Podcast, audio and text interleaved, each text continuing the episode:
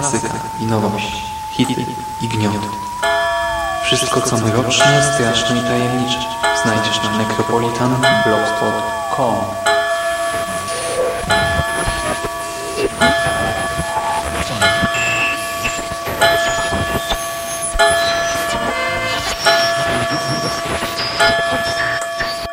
Witam w nawiedzonym podcaście.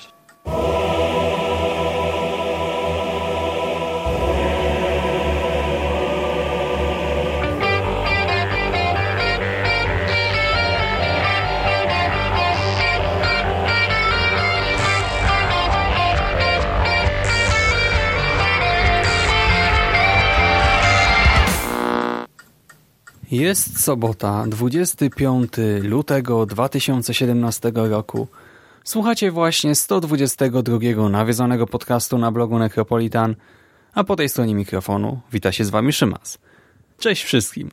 Witam się z wami i zapraszam was na czwartą już część podcastu, właściwie podcastu, cyklu podcastów, który zaczyna żyć w tym roku własnym życiem, a mowa oczywiście o czasie podsumowań 2016, czyli serii nagrań, w której moi goście podsumowują wydarzenia i teksty kultury związane z szeroko pojętą grozą, które na ogół miały premierę w roku 2016, w roku ubiegłym, ewentualnie które w tym roku ubiegłym zostały przez nich, przez moich gości nadrobione.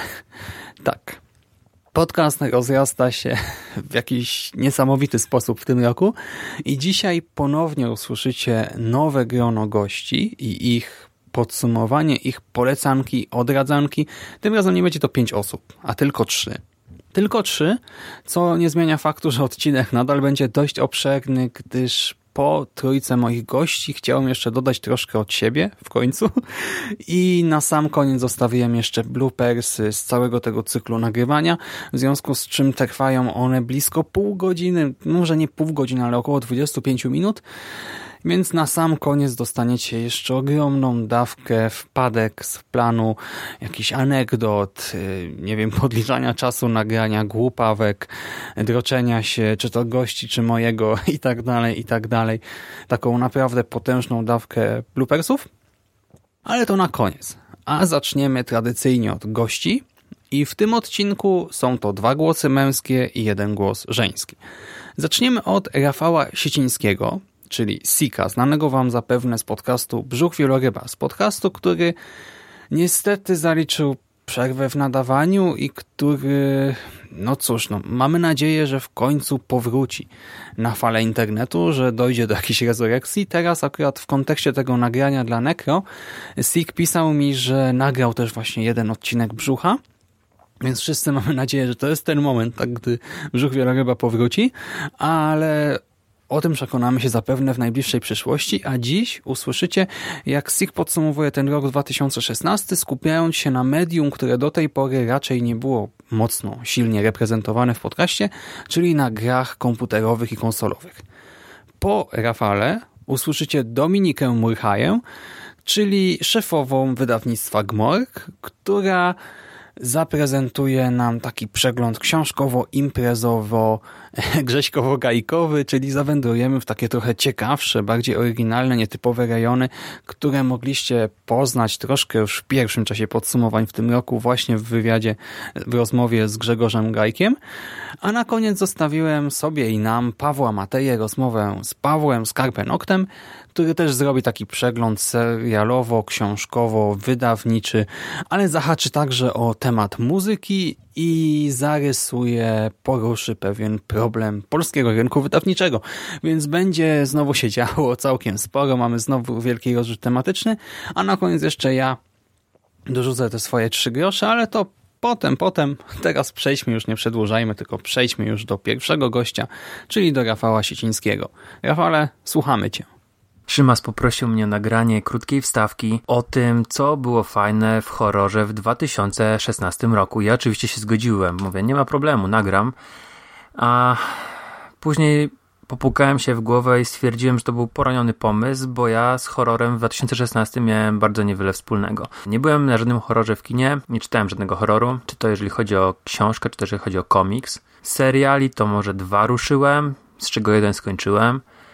Filmów e, w domowym zaciszu, no może było kilka, ale nie aż tyle, żeby mm, liczyć, że ktoś już o nich nie opowiedział. I podejrzewam, że tak będzie, że jeżeli będziecie tego słuchali, to ktoś już wcześniej opowiadał o filmach, które ja obejrzałem i które uważam, że warte byłyby wspomnienia.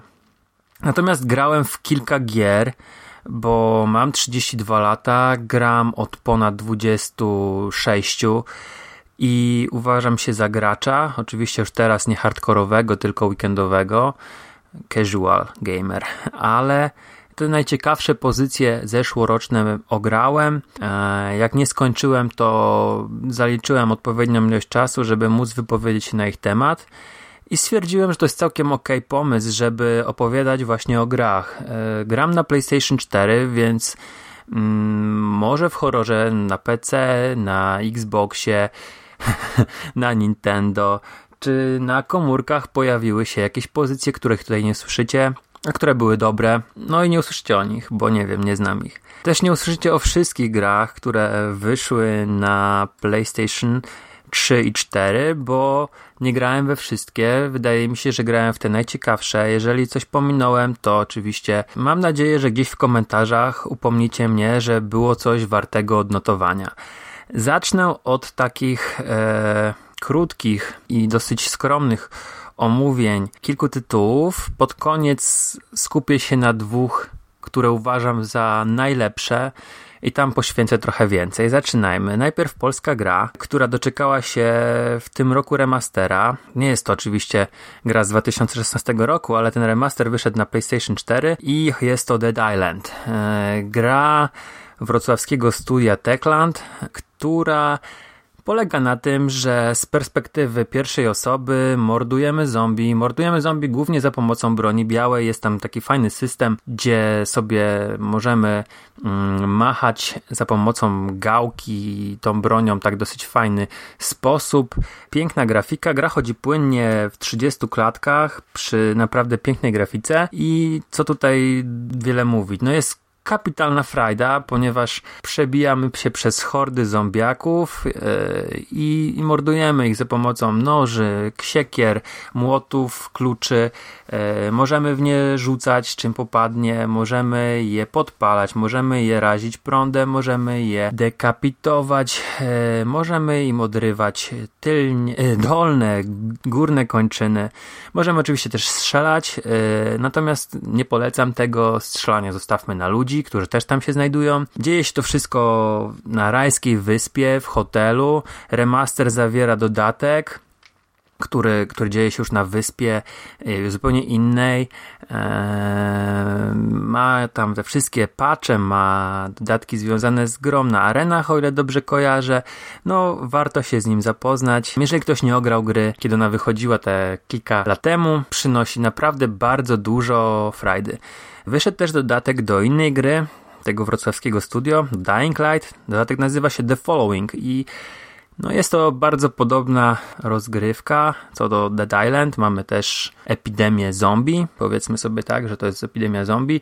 I o ile w podstawowej wersji gra skupiała się na takiej miejskiej, aglomeracyjnej walce, uciekaniu, bo były tam takie elementy fajne parkouru wprowadzone, o tyle dodatek dzieje się bardziej w takich agralnych terenach. Jeździmy sobie po tych wioskach, po tej całej prowincji z pojazdami, mordujemy, zabijamy, strzelamy. No jest to oczywiście też gra akcji, jedna i druga zresztą, która ma te elementy horroru w postaci potworów zombie, natomiast no nie są to takie stricte horrory, w których moglibyśmy się przestraszyć. Oczywiście e, są momenty, gdzie gracz podskoczy, bo wiadomo, jak ktoś nam wyskakuje w ciemnym tunelu na, na twarz, e, to, to człowiek podskoczy. Natomiast no, nie są to takie typowe horrory survivalowe, czy może stawiające na klimat. Właściwie to dzisiaj nie będzie takich gier omawianych.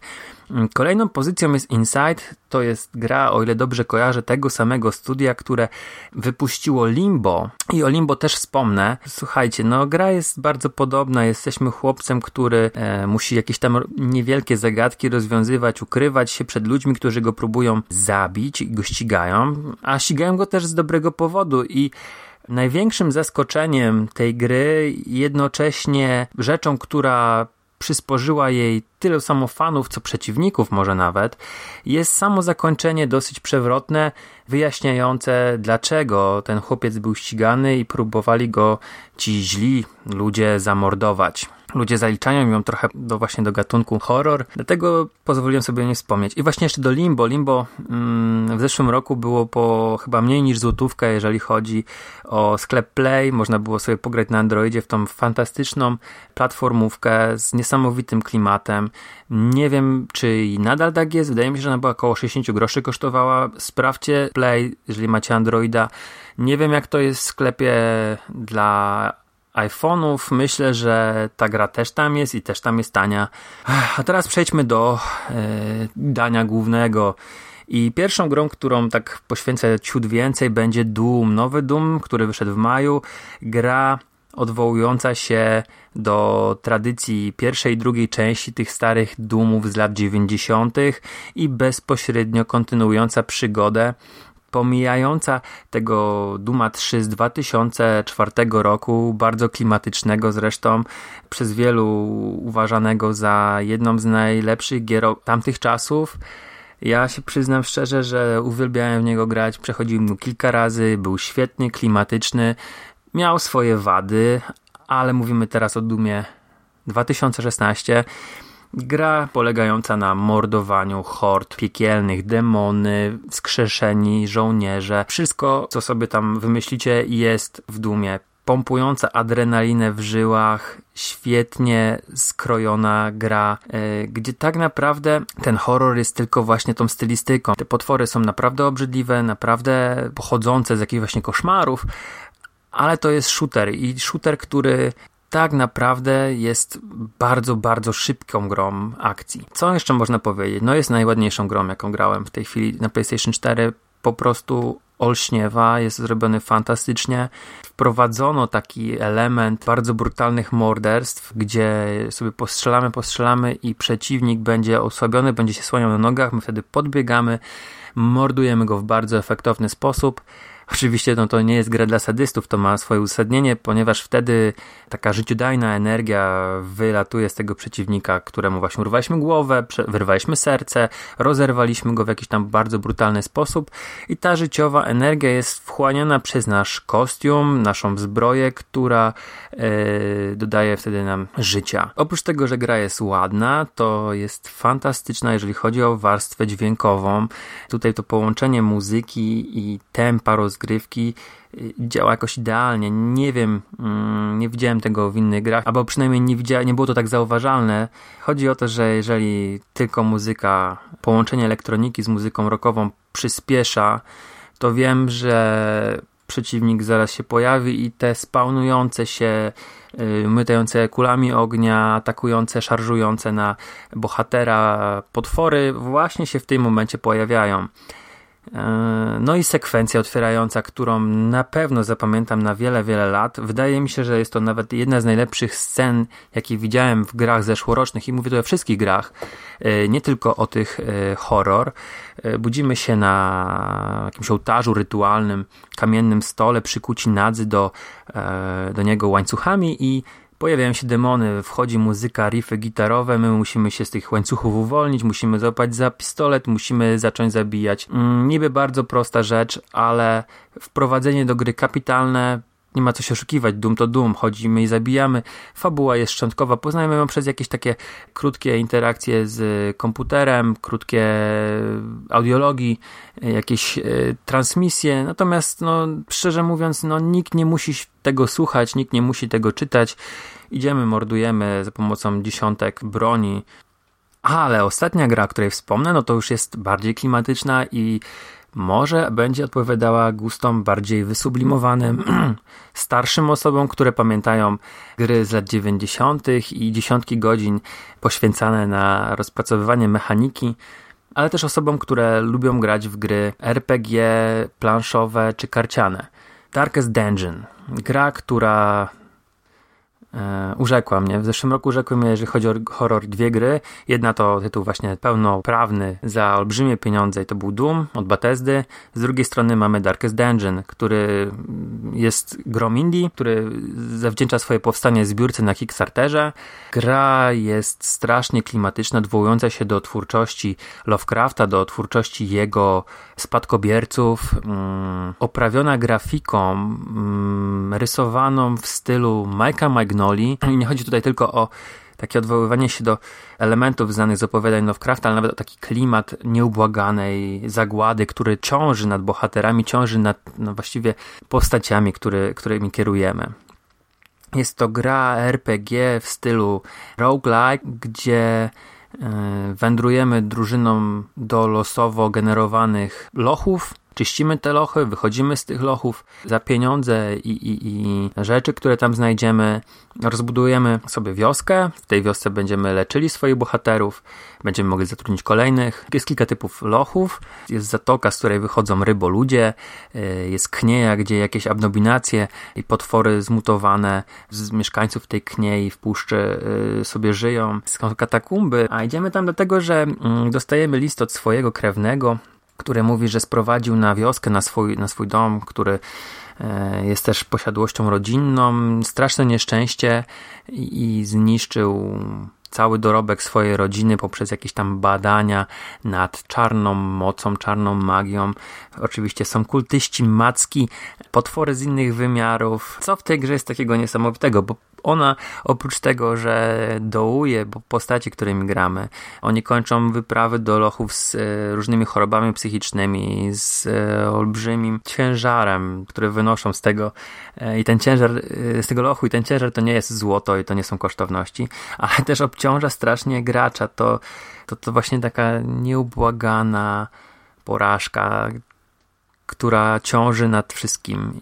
Jeżeli będziemy grali w tą grę, to doświadczymy przede wszystkim porażki. To jeżeli zginie nam postać, to już zginie nam bezpowrotnie. Chowamy ją na cmentarzu, wynajmujemy kolejnego bohatera, którego rozwijamy, którego uczymy, którego leczymy e, i puszczamy na kolejną misję i właściwie nie, nie mamy pewności, że ta postać wyjdzie z tych lochów.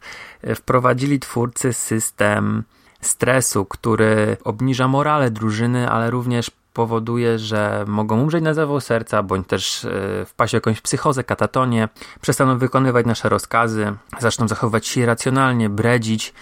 Ich bredzenie będzie powodowało podnoszenie się poziomu stresu u ich kolegów z drużyny. No jest, dzieją się tutaj niesamowite rzeczy. Dzieją się niesamowite rzeczy nie tylko w lochach, ale również we wiosce, ponieważ musimy ten poziom stresu zdejmować z bohaterów, więc wysyłam ich do klasztorów, w którym się modlą, medytują albo biczują, jak to woli. Natomiast wysyłamy ich do karczmy i może się zdarzyć tak, że w szulerni e, nasz bohater przegra ciężko zdobyte złoto, którego nigdy nie jest za dużo, albo może złapie trypsa, mm, albo inną weneryczną chorobę w burdelu. Może też zachlać i nie pójść na misję następną. No dzieją się tutaj rzeczy różnego rodzaju. Musimy leczyć ich w mm, szpitalu z tych chorób, z ich przypadłości. Niektóre da się wyleczyć taniej, niektóre drożej. Czasami warto po prostu takiej postaci się pozbyć, yy, nie rozwijać jej. I tutaj gracz musi nauczyć się przegrywać. Wielu graczy narzeka na tą grę, że ten element losowości przy losowaniu choroby, przy wyjściu z lochów, przy próbie, która pojawia się po przekroczeniu pewnego poziomu stresu, jest e, niesprawiedliwa, jest, jest krzywdząca. Tak naprawdę ta gra byłaby o wiele łatwiejsza, gdyby tego nie było. I może tak rzeczywiście jest, ale Przypominam, że mm, gra ma taki troszeczkę rodowód RPGowy i tam ten rzut kościami czasami był bardzo niesprawiedliwy, ale trzeba było się z tym liczyć, na tym polegała gra. Pewno tytuł jest warty ogrania, ma świetny klimat, ma świetną mechanikę, którą można rozpracować. Na początku zdaje się wydaje strasznie skomplikowana, natomiast kilka, kilkanaście godzin yy, metody prób i błędów pozwalają na opanowanie gry bez sięgania do jakichś tam samouczków czy poradników. Wierzcie mi, to jest wykonalne. Warto poświęcić na nią czas. Daje masę satysfakcji, wyczyszczenie lochów, zabicie bossa, wyciągnięcie konającego bohatera z opresji daje naprawdę dużo satysfakcji. Ja dawno nie czułem się tak dobrze wygrywając. Też dawno nie czułem takiego wyzwania grając, bo nie oszukujmy się, gry są coraz łatwiejsze, a ta odwołuje się właśnie do lat takich dawnych, gdzie gry były trudne, wymagające, gdzie trzeba było sobie zapisywać na kartkach różne rzeczy, gdzie nie było samouczków, gdzie nie było pomocy, gdzie gracz był zostawiony samemu sobie i wydaje mi się, że to są najciekawsze pozycje, jeżeli chodzi o gry w mijającym roku. Rok 2017 zapowiada nam naprawdę ciekawe rzeczy. Mieliśmy już w pierwszym miesiącu Resident Evil 7, który podobno jest fantastyczny na VR-ze. Dużo gier zapowiada się właśnie na wirtualną rzeczywistość. Może to jest przyszłość, jeżeli chodzi o horror. 2016 był według mnie rokiem słabym. I miejmy nadzieję, że ten nadchodzący, no mamy luty, ale ten luty no, zaraz się pewnie będzie kończył. Mm, zostaną nam 10 miesięcy, więc niech te 10 miesięcy będzie obfitowało w dobre horrory e, na wszystkie platformy. I mam nadzieję, że Was nie zanudziłem. Trzymajcie się, cześć. Jeszcze raz dzięki i oby to życzenie się spełniło. A teraz przejdźmy już do drugiego naszego gościa, czyli do rozmowy z Dominiką Murchają z wydawnictwa Gmorg. Dominiko, dzwonimy. Cześć. Mhm, cześć. Co tam u Ciebie słychać w nowym roku? Jak się zaczął ten 2017? Pracowicie jak zwykle. Nie ma odpoczynku niestety. A jak oceniasz ten 2016, ten ubiegły, zwłaszcza pod kątem grozy? Był dobry czy nie do końca? Jak myślisz? Myślę, że 2016 był całkiem dobrym rokiem. Było sporo premier i filmowych, i książkowych, było sporo wydarzeń, większych i mniejszych. I ogólnie no, myślę, że co roku jest tego coraz więcej, bo dopiero w sumie środowisko się cały czas rozwija, więc było dobrze. Mam nadzieję, że jeszcze będzie lepiej w tym roku. Okej, okay, a czy coś konkretnego przykuło Twoją uwagę? Jakieś właśnie wydarzenie, event, miejsce, książka, film? Mhm. No, jeśli chodzi o książki, to niestety za dużo pochwalić nie mogę, dlatego że nie za dużo zdążyłam przeczytać w tamtym roku. Dwie pozycje, które sobie na pewno, e, że tak powiem, zanotowałam, zapamiętałam, które miały premierę w tamtym roku i które mogę polecić, to po pierwsze to jest Kostuszka Carly Mori, bo to akurat mi się udało w tamtym roku przeczytać. To jest całkiem ciekawa historia taka dosyć powiedzmy też oryginalna, więc y, to jak najbardziej jest do przeczytania. Też myślę, na przykład można to polecić tym, którzy dopiero zaczynają przygodę z grozą, ponieważ mi się zazwyczaj kojarzy groza z jakimiś tam flakami i obrzydliwościami, a to jest takie łagodniejsze i bardziej intrygujące pod innymi względami, więc to jak najbardziej. I na pewno antologia Dreszcze, to była antologia konkursowa w sumie, gdzie ludzie po prostu wysyłali swoje opowiadania, które miały być o tematyce dreszcze. I to jest o tyle fajna antologia, że w zasadzie jest tam sporo pisarzy, jest sporo opowiadań. Najczęściej w takim przypadku poziom jest bardzo nierówny, bo są właśnie różne osoby, mają różne style pisania, są lepsze, są gorsze, zwłaszcza, że to jest jeszcze konkursowe, więc nie byli dobierani powiedzmy jacyś znani bardziej pisarze, którzy mają już jakiś wyrobiony styl, czy warsztat, tylko mogły takie zupełnie świeżynki, że tak powiem, też wziąć w tym udział. A ta książka jest taka dosyć e, zaskakująca, moim zdaniem, e, na taki bardzo właśnie wyrównany poziom i większość opowiadań jest faktycznie dobra bądź bardzo dobra, nie ma tam za bardzo opowiadań słabych. To pod względem książek będzie niestety wszystko. Czyli dwie pozycje z naszego polskiego rynku? Tak, dokładnie. Więcej nie zdążyłam przeczytać w tamtym roku, niestety premier przynajmniej. No dużo tego wszystkiego jest, więc ciężko jest nadążyć niestety. Mhm, dokładnie. A z innych mediów, czy nie wiem, ogólnie zjawisk, wydarzeń, coś mhm. ciekawego jeszcze udało Ci się poznać w tym roku? Może nie tyle poznać. Na pewno jeśli chodzi o wydarzenia, no to wiadomo, pierwsze miejsce zajmują, e, nie wiem czy to można nazwać konwentami horrorowymi Kwason i Horror Day. No bo wiadomo, w tamtym roku były kolejne edycje. Horror Day muszę polecać, wiadomo, jako rodowita wrocławianka, bo to jest nasza wrocławska impreza. która jest na razie taka skromna, na pewno skromniejsza, od kwasonu, ale też się ciekawie rozwija.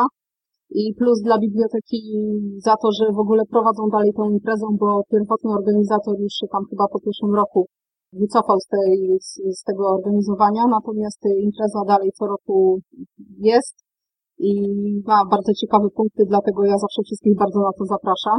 Mam nadzieję, że też jeszcze bardziej rozkręci, coraz więcej osób będzie na to przychodziło i tutaj do nas do Wrocławia przyjeżdżało.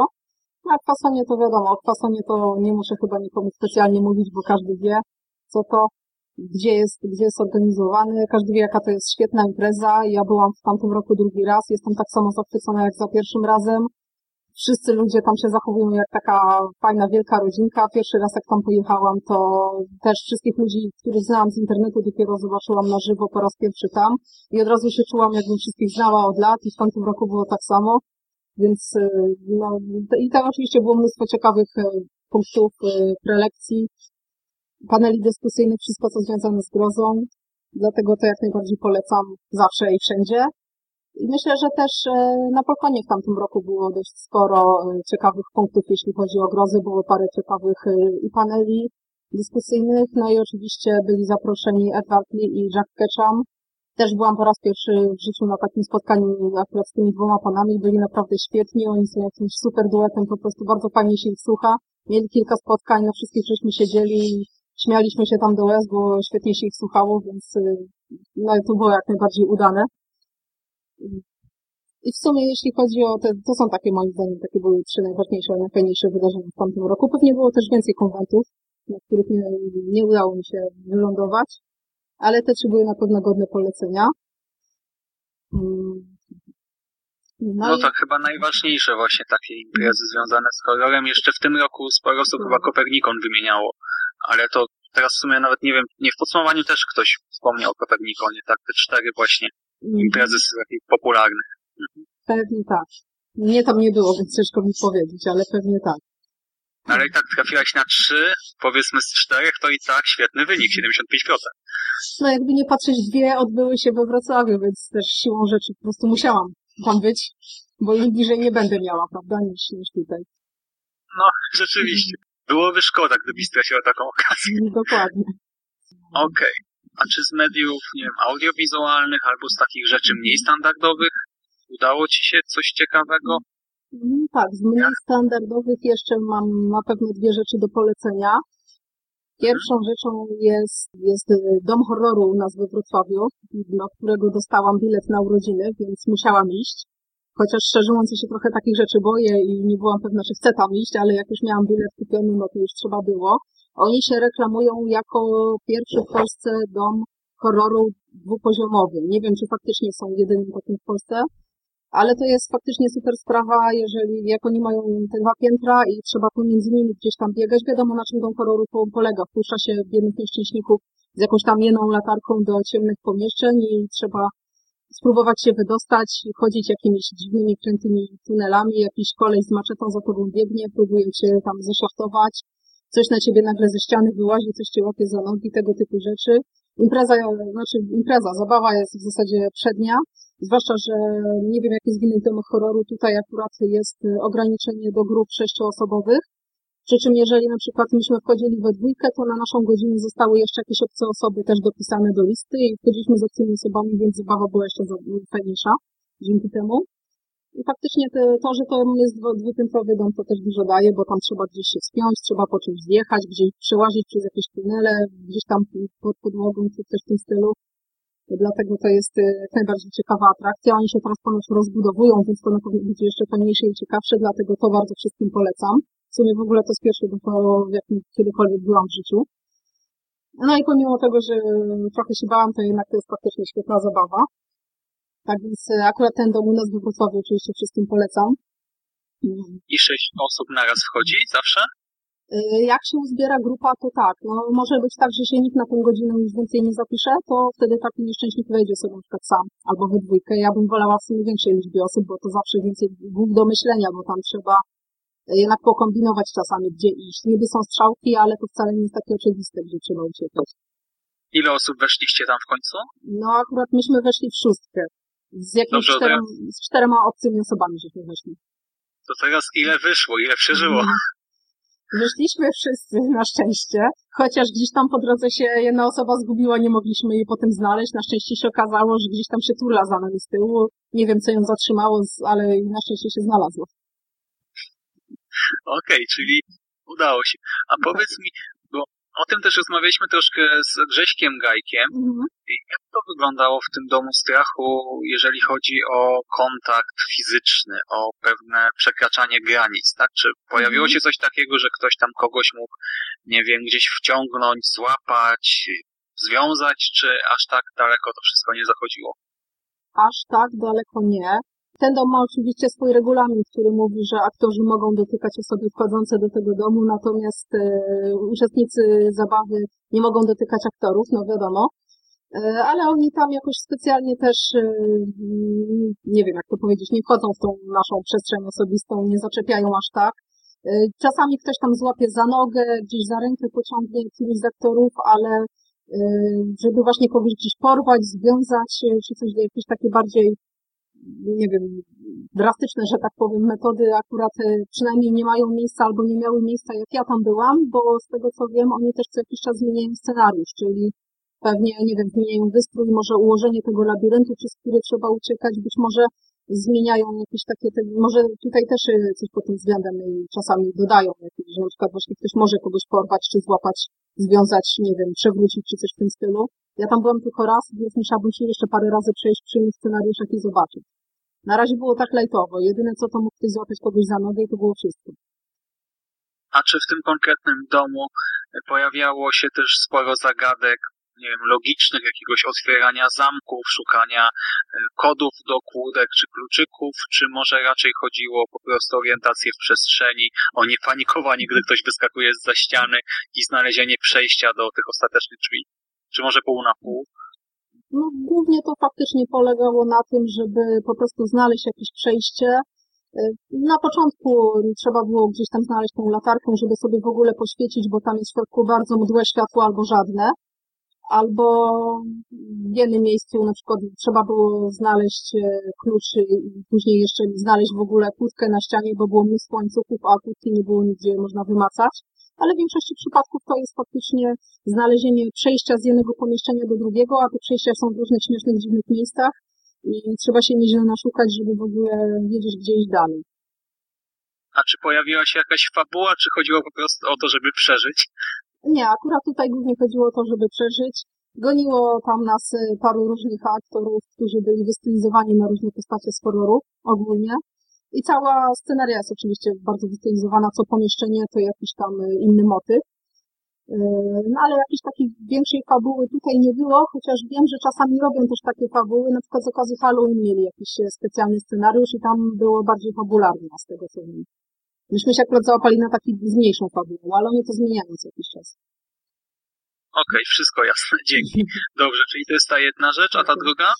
A druga to jest rzecz, która w zasadzie nie jest premierą tamtego roku, ale akurat ja w tamtym roku na tym byłam, zresztą też nie po raz pierwszy. Chodzi mi o przedstawienie pewnego teatru. To jest przedstawienie 1408 na podstawie mm, opowiadania Stephena Kinga o tym samym tytule, o tym nawiedzonym e, pokoju w hotelu. E, ale chciałam o tym wspomnieć, e, ponieważ to jest, to jest grane przez teatr, który się nazywa Art Spectators. To też jest wrocławski teatr. To jest taki teatr alternatywny. Tam jest niewielu aktorów. Oni sobie sami ten teatr założyli.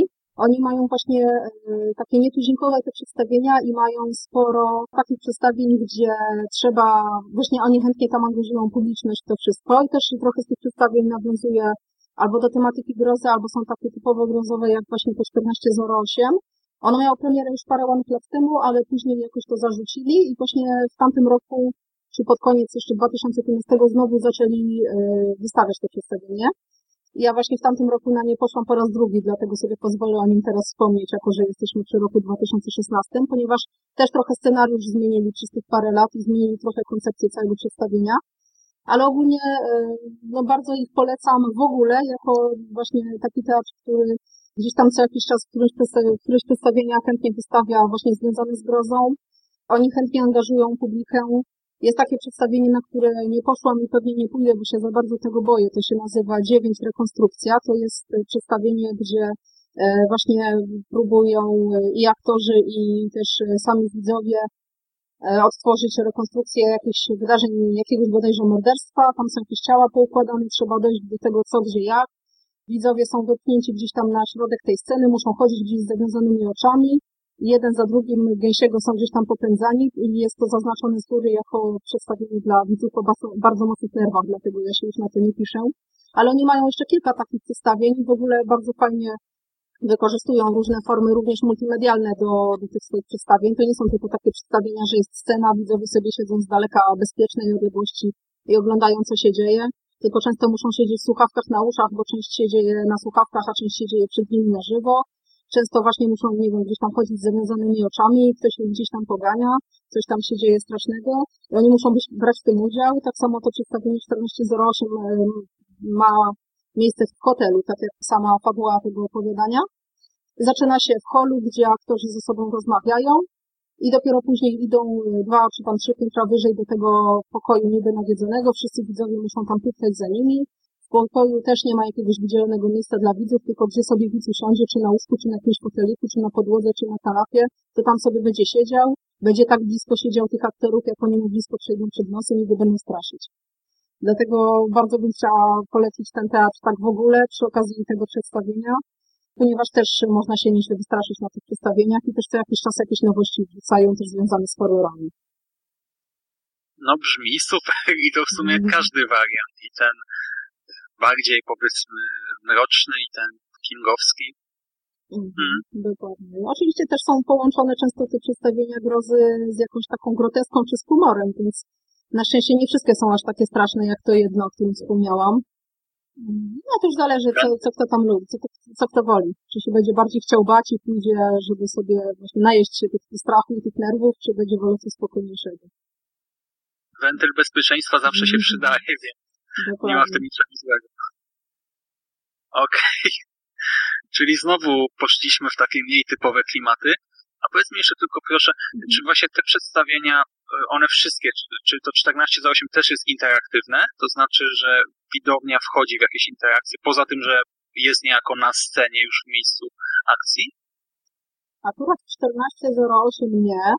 Z tego co pamiętam, to tam po prostu, znaczy tam się o tyle, powiedzmy, aktorzy zwracają do widzów, co na samym początku, jak właśnie najpierw jest ta scena, gdzie dwóch aktorów ze sobą rozmawia, czyli ten główny bohater tego opowiadania, ten pisarz, który tam przyjechał, żeby napisać jakąś powieść, czy tam materiał, zebrać do książki o nawiedzonych hotela, gdy rozmawia z dyrektorem hotelu, i później oni idą na górę i najczęściej wtedy widzowie stoją, bo nie wiedzą, co się dzieje i czekają. No więc wtedy ci aktorzy muszą zapraszać, gdzieś tam machać rękami i mówić, że proszę, proszę, idziemy na górę, ale to akurat w przypadku tego przedstawienia jest w zasadzie jedyna interakcja.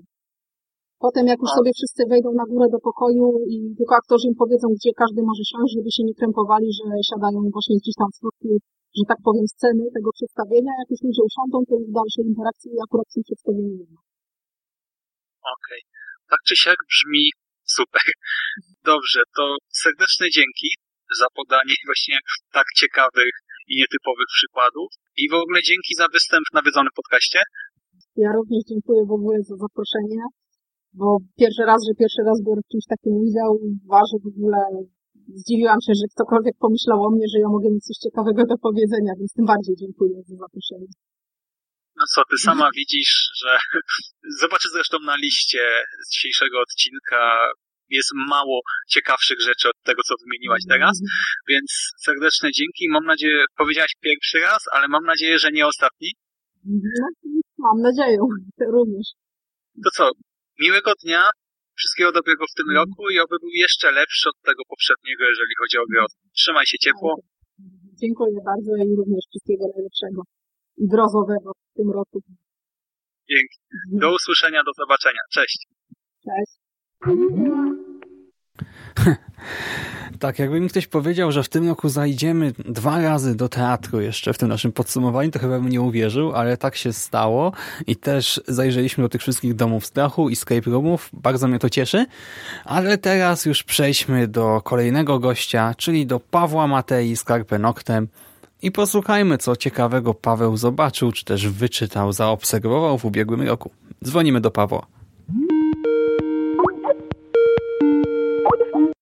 Cześć. Cześć, cześć. Szymas, y, witam wszystkich słuchaczy. Witamy, witamy.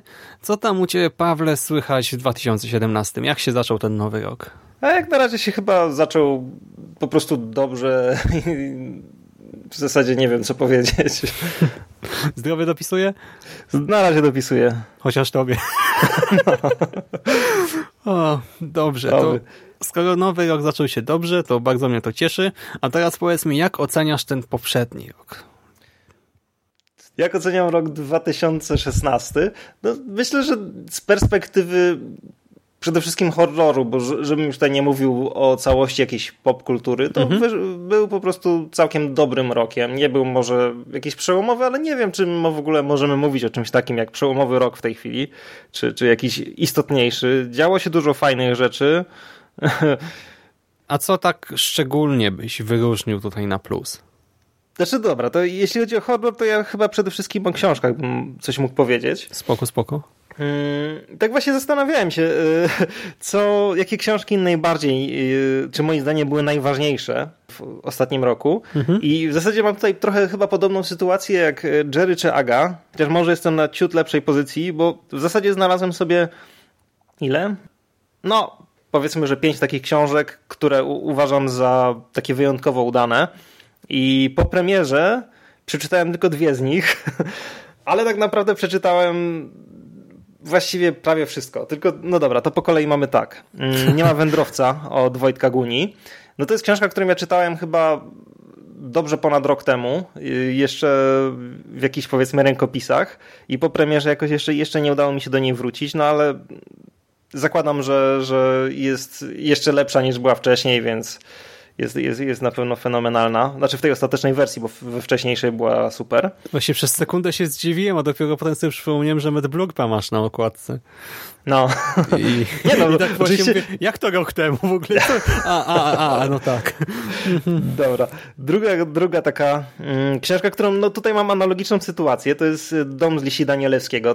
Strasznie się cieszyłem na to polskie wydanie i nie kupiłem go do tej pory, dlatego że mam na półce wydanie to oryginalne amerykańskie chyba które też czytałem kilka lat temu, no i jakoś po prostu wyszło na tyle ostatnio rzeczy i mam tyle rzeczy w kolejce do przeczytania, że, że no jeszcze nie miałem okazji po prostu się zderzyć z tym w polskim przekładzie, choć na pewno będę chciał to zrobić, bo jestem bardzo po prostu ciekaw, jak tłumacz sobie z tym poradził. Mhm. Mm, dobra, kolejna rzecz to jest y, Na opak Oliwiera Onionsa z wydawnictwa CNT. To jest książka, której też jeszcze nie przeczytałem, a uważam, że do tego podsumowania się bardzo nadaje. Znaczy, przeczytałem na razie pierwsze z niej opowiadanie i to jest zresztą takie, które też wcześniej znałem, czyli Wabiąca Ślicznotka, takie tak, jedyne tak. opowiadanie o Nionsa, które było w Polsce znane. I już jakby po samej lekturze tego jednego tekstu mogę powiedzieć, że to jest totalnie fantastyczny zbiór i to będzie czołówka całej serii. No, wierzę, że reszta, nawet jeśli nie będzie aż tak dobra, to będzie świetna. I no mam, mam nadzieję, że, że jakoś tym miesiącu uda mi się już to połknąć w całości. Dobra, czyli Gunia Danielewski Onions, co będzie czwarte? Tak. Dalej to już przeczytałem w całości, to jest y, Przyszła na Sarnat Zagłada Lovecrafta. No to w zasadzie nie ma co dużo mówić, nie? To jest książka, w której w zasadzie też nie ma nie ma żadnego nowego tekstu, ale, ale samo w sobie nowe tłumaczenie, no, nowe wydanie i wszystko jest fantastyczne. Tak, tak, I tak. tylko się zachwycać. I tak jeszcze dzisiaj mi przyszło do głowy, mm, że taką książkę, którą tutaj jeszcze dorzucił, to są opowieści i przypowieści Kawki. O, Znowu, właśnie, no. teksty, które w zasadzie e, się zna, które nawet nie są horrorem do końca. Nie? To tam momentami podchodzi pod e, weird fiction, powiedzmy, ale tylko momentami. Ale myślę, że każdy fan horroru na półce z przyjemnością by sobie to postawił a wydawnictwo to wydawnictwo Państwowy Instytut Wydawniczy no fantastycznie to po prostu wykonał to wydanie i no jest śliczne. Mhm. Śliczne, wszystko w środku ładnie wygląda, sama przyjemność to po prostu mieć. I jeszcze w tej chwili chyba da się bezproblemowo w miarę dostać, więc... No myślę, że tak. Dobrze, czyli to tyle z literatury z pozytywnych zaskoczeń. Czy tak, masz coś... Znaczy no, no, wyszło jeszcze parę rzeczy, których po prostu zupełnie nie miałem okazji jeszcze, e, po które nie, miał, nie miałem jeszcze okazji sięgnąć, a które myślę, że, że na pewno mm, są świetne, ale to już tam choćby Aga i Jerry o nich wspominali. Ja na pewno je nadrobię, bo, bo wierzę, że będą dobre. Mhm. Choćby ostatnia książka e, Oli Zielińskiej. Czy, czy rzeczy, które zapow- znaczy wydał i zapowiedział Papierowy Księżyc. No i w ogóle, no, no nie no, do, dobry to był rok dla polskiego horroru, znaczy dla polskiego, znaczy dla horroru w Polsce, bo tutaj powstało nam nowe wydawnictwo, chyba powstało drugie. Z samych tych polskich autorów też troszkę zostało wydanych, był fajny malowidło od y, Grzegorza Gajka. No, było nieźle. Były też oczywiście książki gorsze, ale o nich nie chciałem mówić. Okej. Okay. Dobra, co tutaj miałem dalej? O filmach to ja za dużo w zasadzie chyba takich e, filmach kinowych, filmach pełnometrażowych nie mam za wiele do powiedzenia, bo zupełnie w tym roku jakoś tego nie śledziłem. Coś tam oglądałem, ale już nawet nie pamiętam co. Naprawdę? Wydawało mi się, że na fejsie dość często coś tam polecasz. Nie, no ja po prostu jak coś obejrzałem, też o tym pisałem. Okay. Tego dużo nie było. Ale nie, bo po prostu mnie w całości tak naprawdę w tym roku e, pochłonął Netflix i seriale oglądam maniakalnie od kilku lat, ale właśnie dla mnie takim jednym z najważniejszych w ogóle wydarzeń, powiedzmy, w kulturze tego roku, to był po prostu Netflix w Polsce. I ja w zasadzie chyba w dniu, kiedy on do Polski trafił, założyłem sobie konto i od tego czasu w zasadzie nie wiem, 90% seriali tam oglądam. Obejrzałem masę rzeczy, po które inaczej bym nie sięgnął, bo ten polski katalog Netflixa jest dosyć skromny. Ale ja naprawdę oglądam coś prawie codziennie. Prawie codziennie oglądam z Netflixa i cały czas mam jeszcze długą listę rzeczy do obejrzenia, także zupełnie na to nie narzekam. Choć oczywiście brakuje tam szczególnie paru takich horrorowych seriali, które czasem są na przykład w amerykańskim Netflixie albo są w ogóle na jakichś e, innych platformach, tak jak na przykład Aż kontra Martwe Zło, no to troszkę trudno to obejrzeć w necie, jeśli się jest Polakiem. Mhm. I się chce być legalnym. Bez tego to łatwo. No i no, tak jak mówię, dla mnie Netflix to jest y, jako taki ogół to jest y, rzecz, która powiedzmy w filmach jest dla mnie chyba najlepsza i jestem, jestem po prostu zachwycony tym, jak to działa. A jakieś konkrety, któreś tytuły cię bardziej przekonały do siebie w tym roku? Jakieś nowości, czy jakieś rzeczy starsze? To znaczy tak, na pewno obejrzałem parę rzeczy, które wyszły już wcześniej, czyli dla mnie takimi najfajniejszymi rzeczami, które przy okazji pierwszej mi przyszły do głowy, mm, jak myślałem o tym podsumowaniu, to był Aż kontra Martwe Zło. No to jest, no akurat, no to nie, nie ma tego na Netflixie, ale no to jest serial, który absolutnie mnie zachwyca. Oba jest... sezony nowe też, tak? Tak, nowy sezon, Boże, przecież nie oglądałeś to? Tak scena przecież w kostnicy, ta, ona mi się bardzo, bardzo mi się kojarzy z Jasiem Fasolą i tym, jak tam on miał indyka na głowie. Wierzę, nie że oni jakoś musieli tak się... na to. Wierzę, że oni się tym musieli inspirować, wiesz. Dla mnie to po prostu było fantastyczne. Ja obejrzałem cały sezon przy obiedzie. Znaczy przy obiadach przez kolejne dni. Trochę mu się... Chciałem powiedzieć długi obiad. No tak, po kostnicy już nie chciałeś jeść, dlatego... Nie no, musiałem trochę po tym chyba odcinku trochę żonę przekonywać, żebyśmy oglądali dalej. Ostatecznie jestem zachwycony. No i to było chyba takie naj, najbardziej rozrywkowe przeżycie. W zasadzie na różnych poziomach rozrywkowości. E, Świetny był nowy sezon Scream. Świetny był nowy sezon Scream Queens, który no, może jest ciut gorszy od pierwszego, ale tak naprawdę nie, on generalnie ma ogólnie troszkę mo, może niższy poziom, ale pojedyncze sceny czy motywy w nim były moim zdaniem fantastyczne. No, twórcy mają niesamowitą wyobraźnię. No i podobnie jak w Ashu potrafią kapitalnie łączyć taką no, humor powiedzmy, czy jakąś groteskę, czy, czy, czy parodię z, no, w zasadzie przerażającymi scenami. Choć oczywiście w Scream Queens jednak e, jest tego troszkę mniej.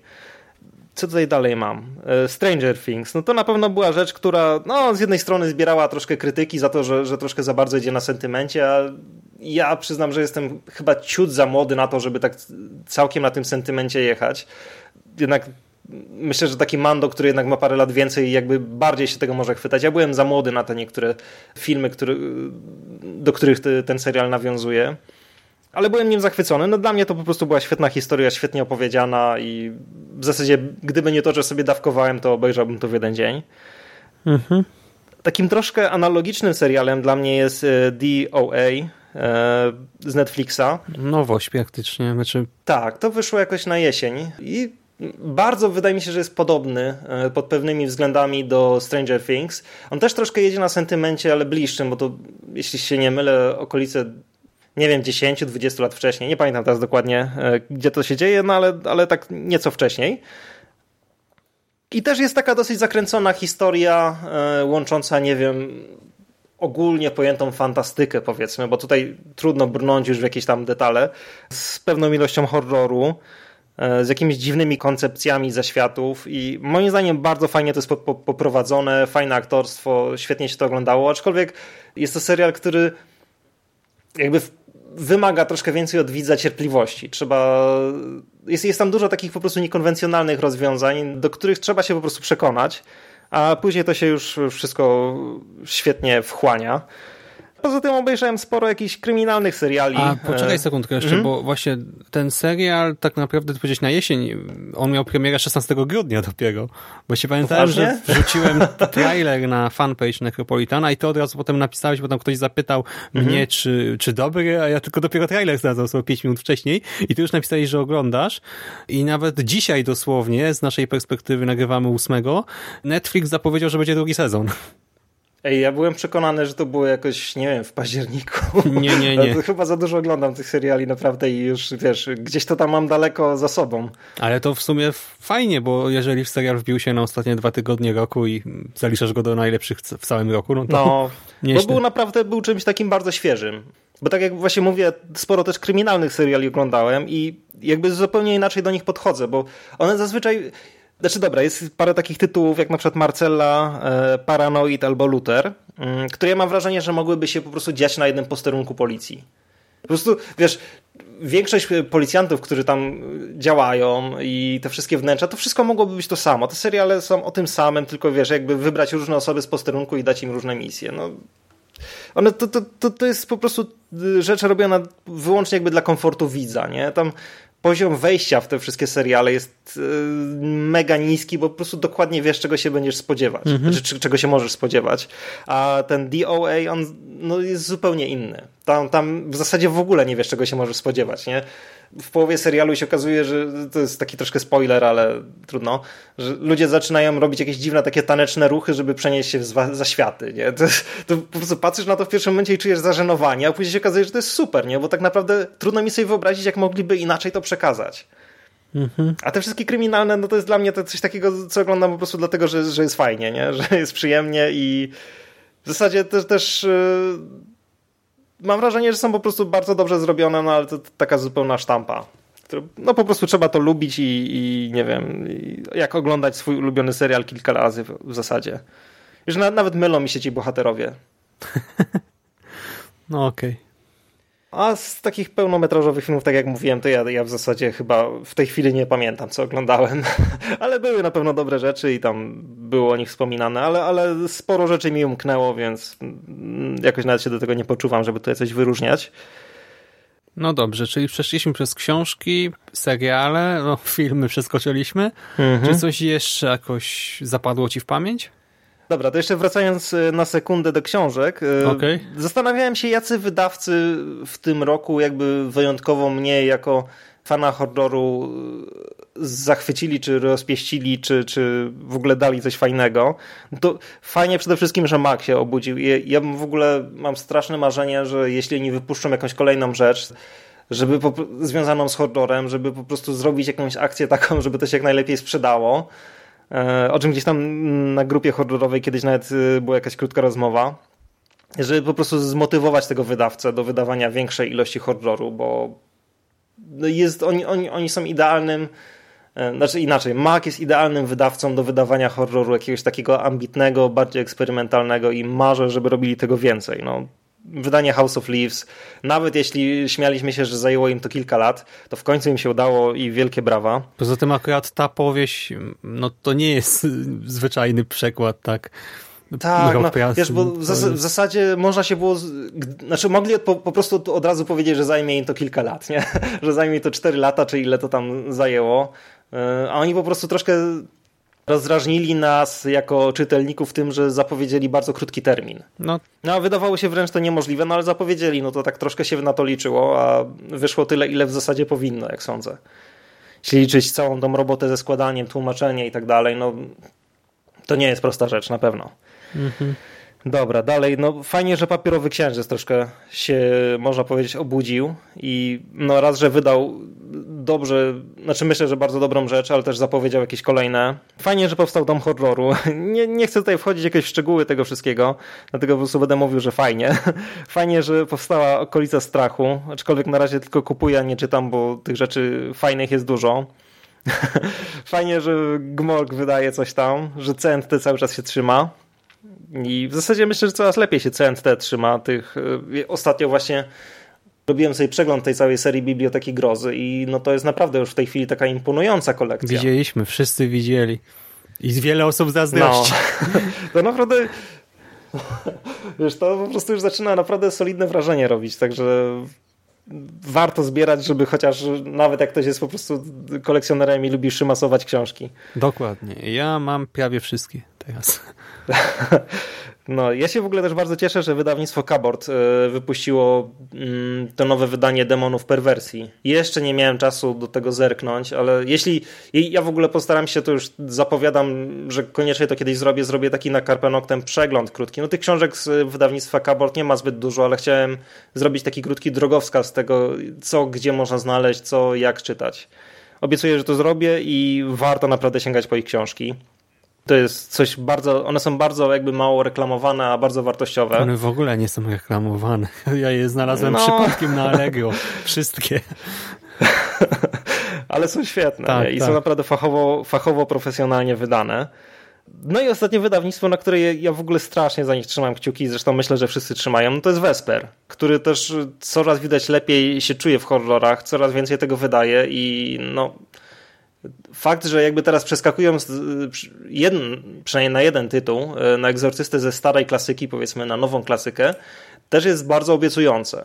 I fajnie by było, gdyby też jakby nadrobili te książki nieco współcześniejsze, ale dalej będące klasyką, które no, nawet były już u nas wydane, ale może dawno, może w kiepski sposób. Dokładnie. Parę tytułów no. naprawdę, naprawdę, naprawdę warto byłoby tak porządnie w tej serii wznowić i trzymam za to kciuki. Tak, to tyle już na pewno co do książek. Okej, okay, czyli zamykamy teraz książkę. tak. I jeszcze tak w sumie, bo ja, ja w gry za bardzo nie gram, także gry sobie też mogę pominąć. Jeszcze tak, tak y, przypomniały mi się z muzyki dwie rzeczy, które y, bardzo mi się spodobały. Okej, okay, o muzyce jeszcze nic nie było?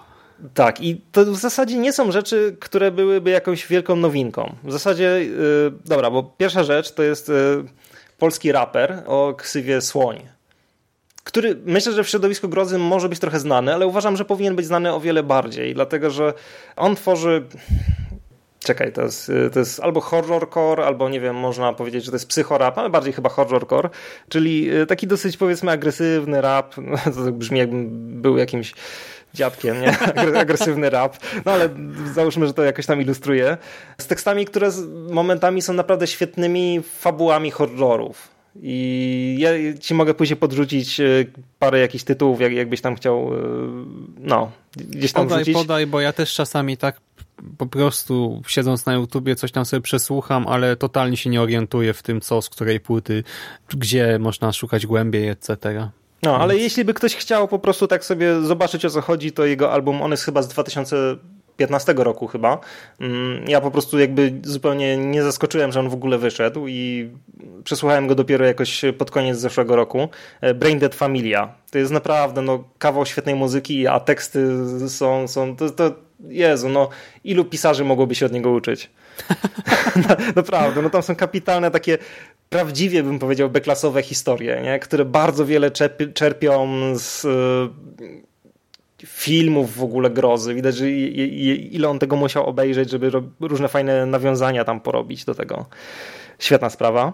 Mm, a druga rzecz to jest, no tak jak w sumie rok temu chwaliłem strasznie kwadrofonik i struga, którego akurat poznałem na off festiwalu, tak teraz znowu na off festiwalu może nie poznałem akurat jednego wykonawcy, ale go strasznie doceniłem, bo byłem na koncercie Williama Basińskiego. E, to jest chyba amerykański kompozytor e, ambientu, czyli wyjątkowo można powiedzieć nieporywającej muzyki.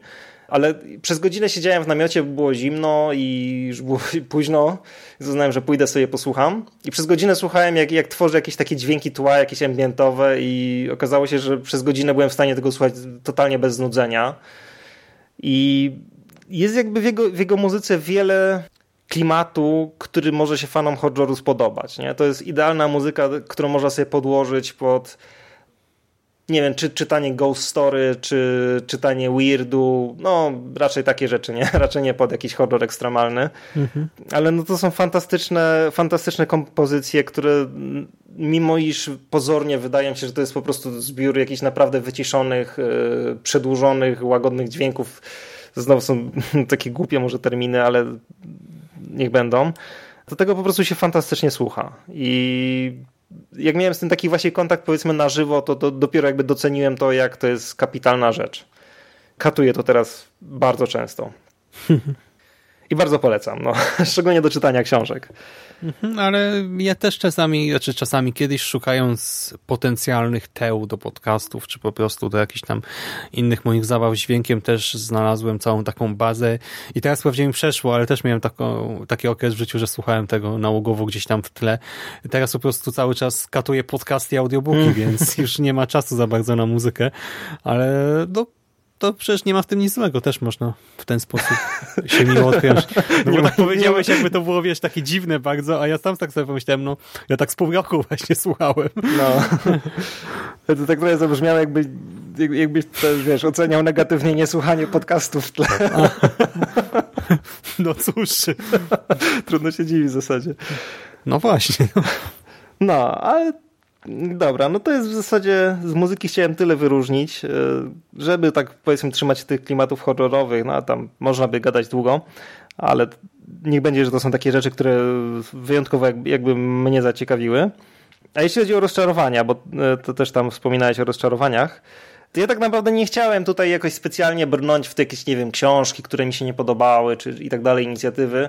Dla mnie taką rzeczą, która trochę mnie rozczarowała, powiedzmy, mm, jest cały czas jakby niska digitalizacja e, wszelkich jakby treści związanych z kulturą, czyli bardzo dużo płyt jeszcze nie jest na serwisach jakichś streamingowych, e, często nawet wydawanych e, współcześnie, nie, nie jakichś archiwów z PRL-u, mhm. ale też na Netflixie jeszcze właśnie, czy to w Polsce na przykład, wiesz, nie masz dostępu do bardzo wielu treści. A przede wszystkim mm, po prostu bardzo wiele horrorów nie wychodzi w e-bookach i to w ogóle strasznie mnie boli i bardzo chciałbym, żeby to się zmieniło w przyszłości, żeby i ci bardziej niszowi wydawcy, tutaj po prostu macham do was wszystkimi kończynami, ogarnijcie po prostu ten temat, bo naprawdę jeśli ktoś ma czytnik i się do tego przyzwyczai, to zazwyczaj preferuję go nad książki papierowe. Ja na przykład teraz czytam sobie upiorną opowieść Strauba i no to wiadomo, no to jest tytuł, który wyszedł dawno temu. On ma chyba 600 stron i po prostu czyta mi się to tak koszmarnie. Znaczy książka jest świetna, nie? Ale jest nie dość, że ciężka, to jeszcze w ogóle papier tam nie ma podświetlenia. Nie, niewygodnie mi się czyta przy jedzeniu. A ja, no, jako że ostatnio też mi trochę czasu brakowało, no to zazwyczaj czytam albo przy jedzeniu, albo przed snem. Nie? I prawie cały czas czytam na Kindle, a ta upiorna opowieść gdzieś tylko tam, nie wiem, momentami się za, się, się za nią porywam, czytam ile mogę i, i odkładam. Nie? A w większości, nie wiem, tam katuję grę o tron, bo, bo mam akurat na czytniku.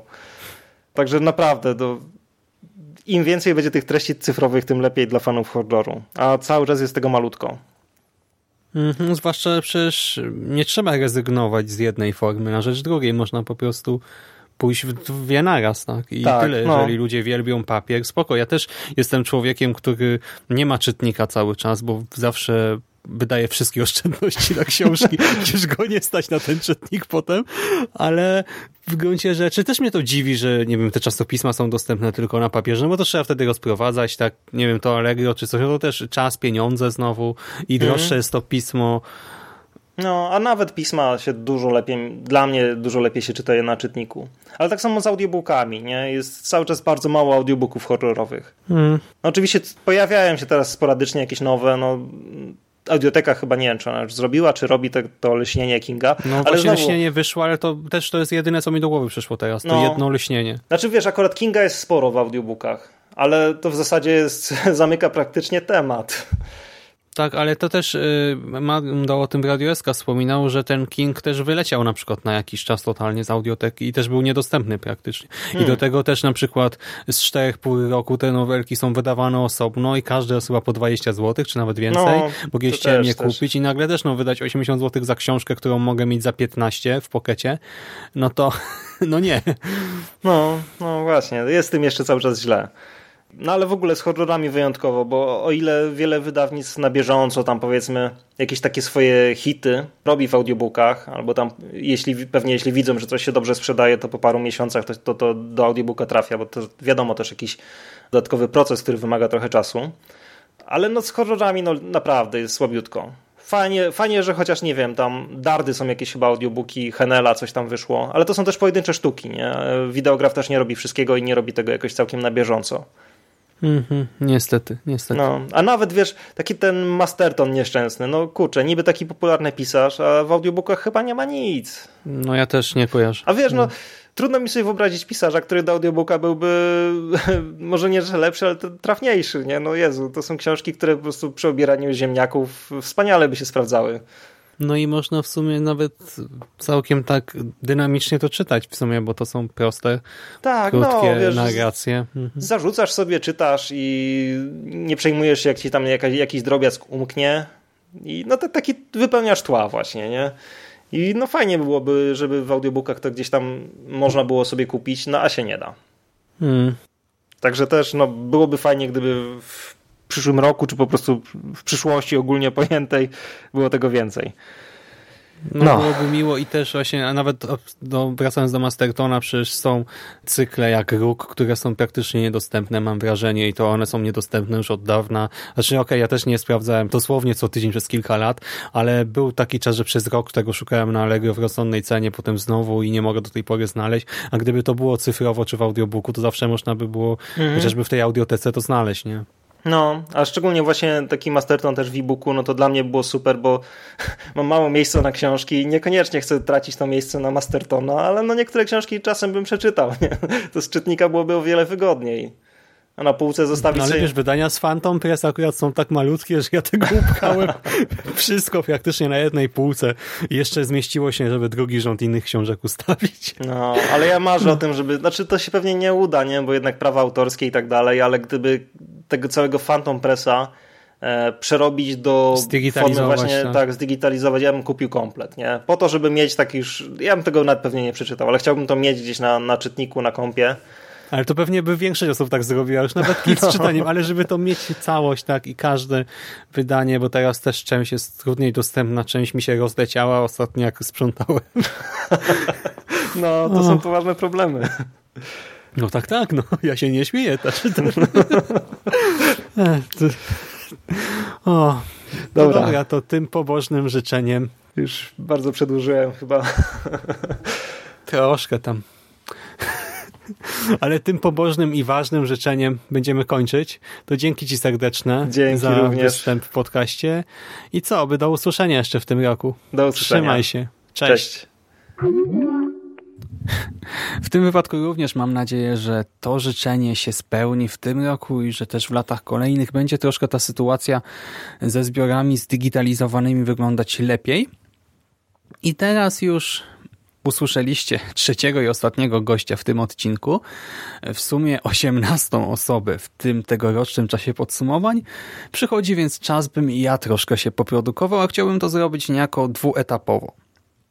Najpierw chciałbym podsumować, czas podsumowań, podsumować nasze podsumowania i opowiedzieć troszkę o, o tym, jak wyglądały te moje ostatnie cztery tygodnie życia, właściwie to nawet więcej, a później jeszcze przejść na chwilę do tego 2016 roku, przy czym nie chcę tyle uzupełniać nie wiem, wypowiedzi gości, coś takiego, co po prostu dorzucić coś tam jeszcze od siebie.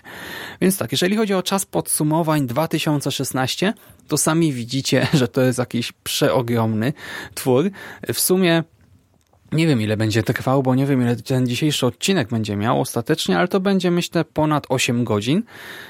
Wystąpiło w tym roku w czasie podsumowań 18 osób. Mieliśmy 18 występów gościnnych. I co istotne, to nie są występy tylko i wyłącznie osób, które tutaj już znacie bardzo dobrze, zwłaszcza stali słuchacze, które kojarzycie już od pierwszych odcinków nawiązanego podcastu, ale także debiuty, czy też takie debiuty troszkę oszukane, bo jeżeli nie pomyliłem czegoś w obliczeniach, to były bardzo szybkie obliczenia, takie wiecie, tam na kolanie prowadzone 5 minut temu, to w tym roku mieliśmy siódemkę takich totalnych debiutów, osób, które jeszcze się tutaj w nawiedzonym podcaście nie wykazywały i też w dużej mierze osób, które wcześniej z podcastingiem, czy też ogólnie z tym medium audatywnym nie miały za bardzo do czynienia, więc to jest jakiś w ogóle kosmiczny wynik. Świetna sprawa, świetna sprawa, genialna po prostu.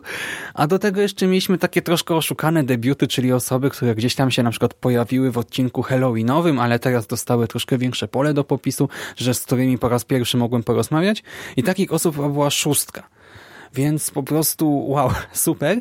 I też co istotne, pojawiły się nowe głosy żeńskie, co także bardzo, bardzo mnie cieszy, bo kobiet u nas w środowisku troszkę jest, ale y, mam wrażenie, że jednak y, w mediach, nie w przekazie, na pierwszy plan faceci się głównie wysuwają y, i tak troszkę kobiety są czasami w cieniu, a szkoda, bo jak widzieliście chociażby właśnie w tych nagraniach mają dużo też ciekawych rzeczy do opowiedzenia i super, że udało się zaprosić te osoby i że zgodziły się na te występy.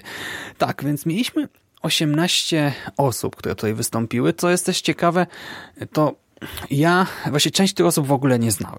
Tak totalnie, totalnie. Znaczy kojarzyłem z nazwiska, tak kojarzyłem z jakichś tam inicjatyw, z działalności w branży, w środowisku, w fandomie, ale na tym to wszystko się kończyło i tak troszkę głupio było mi się odezwać. Czasami, o czym zresztą wspominałem chyba odcinek temu, czy dwa odcinki temu tutaj, ale potem się złamałem i tak pisałem do kolejnej, do kolejnej, do kolejnej, też na ostatnią chwilę jeszcze próbowałem kogoś tam zwerbować. Niestety też, e, wiecie, te 18 osób to nie jest plan maksimum, to nie jest oczywiście też plan minimum, bez przesady, aż tak szalony nie jestem. E, to jest taki plan optymalny, myślę, ale ogólnie zaprosiłem jeszcze bodajże 7 osób, a do 25 e, różnych osób ostatecznie się odezwałem. Dwie, czy nie, trzy z nich chyba mi nie odpisały. Przy czym e, nie wiem, może po prostu, wiecie, odkliknęły wiadomość, chciały przeczytać później, wrócić do tego i zapomniały. Ja też nie męczyłem jakoś bardzo mocno. Znaczy okej, okay, jak już się rozmowa nawiązała, to tam starałem się motywować, bo co ciekawe też takim jedynym problemem w komunikacji było to, że wiele osób czuło się niepewnie, jeżeli chodzi o medium, tak o wypowiedź ustną po prostu taką, y, czy też o to, że wiecie, cały czas słyszałem komentarze, nie przeczytałam wszystkiego, nie obejrzałem wielu rzeczy w tym roku, raczej nie siedziałem we współczesnej grozie i tak dalej, i tak dalej. Ale naprawdę bardzo, bardzo często okazywało się potem, że jednak jak ktoś pomyślał na spokojnie, to znalazł kilka, kilkanaście bardzo ciekawych rzeczy, o których zresztą tutaj też słyszeliście potem. I tak jak mówię, to był jedyny problem, co oznacza, że bardzo dobrze mi się współpracowało ze wszystkimi gośćmi, że w ogóle nie było jakiejś takiej sytuacji, że nie wiem, że ktoś kazał spadać, czego w sumie trochę się obawiałem, bo wiecie, no tak napadam na ludzi, nie? Tak, o, proszę, nagraj mi wstawkę tutaj, takie wytyczne od razu na pół strona, cztery czy na więcej. Yy, wyskakuję z zakrzaka nie? i męczę ludzi. Ale okazało się, że wszyscy byli bardzo otwarci i to także z niektórymi osobami, z którymi wcześniej nie miałem żadnego kontaktu, tak teraz jestem w kontakcie e, takim e, no koleżeńskim prawie, że z niektórymi naprawdę codziennym, z niektórymi może nie codziennym, ale troszkę sobie popisaliśmy, zresztą tak samo w czasie nagrań, często przed nagraniem, chwilę, znaczy, przed nagraniem podcastu, ale już po połączeniu się, czy chwilę po nagraniu jeszcze rozmawialiśmy sobie nie wiem, pół godziny, godzinę czy więcej nawet w niektórych przypadkach i to było naprawdę niezwykle pozytywne doświadczenie, że naprawdę ci wszyscy ludzie byli tacy otwarci, sympatyczni i skorzy do współpracy. Świetna sprawa. I tak jak mówię, zaprosiłem jeszcze siedem osób, ale e, tutaj też wiecie, różne wypadki losowe, te trzy osoby mi nie odpisały. Tak po prostu. Tam jedna osoba bardzo nie chciała po prostu mówić o tym ubiegłym roku, bo powiedziała wprost, że właśnie no nie może znaleźć niczego takiego z tego ubiegłego roku, raczej nie siedzi w tych najbardziej współczesnych tekstach kultury czy wydarzeniach, ale za to chętnie by mogła porozmawiać o czymś innym, więc mam nadzieję, że jeszcze tę osobę tutaj kiedyś usłyszycie. Tam jedna osoba była chora, zwyczajnie dwie powiedziały wprost, że nie mają czasu. Zresztą kilka osób mówiło znaczy mówiło, no przyznawało, że akurat, nie wiem, zmienia pracę w czasie przeprowadzki, też ma właśnie problemy z chorymi dziećmi, etc., ale większość nawet pomimo tego, tak, starała się jakoś znaleźć tę chwilę czasu, porozumieć, też mieliśmy różne problemy techniczne. Skype już totalnie praktycznie nie funkcjonował. Z jedną osobą tylko udało mi się połączyć normalnie na Skype i porozmawiać chyba czy z dwiema, e, ale nie, z dwiema, tak? No ale to i tak dwie osoby na 18 Wprawdzie tutaj też były solówki, no ale tak czy siak to wynik raczej słaby. Z Discordem mieliśmy problemy, z innymi programami mieliśmy problemy. Jedno nagranie trzeba było nagrywać dwa razy.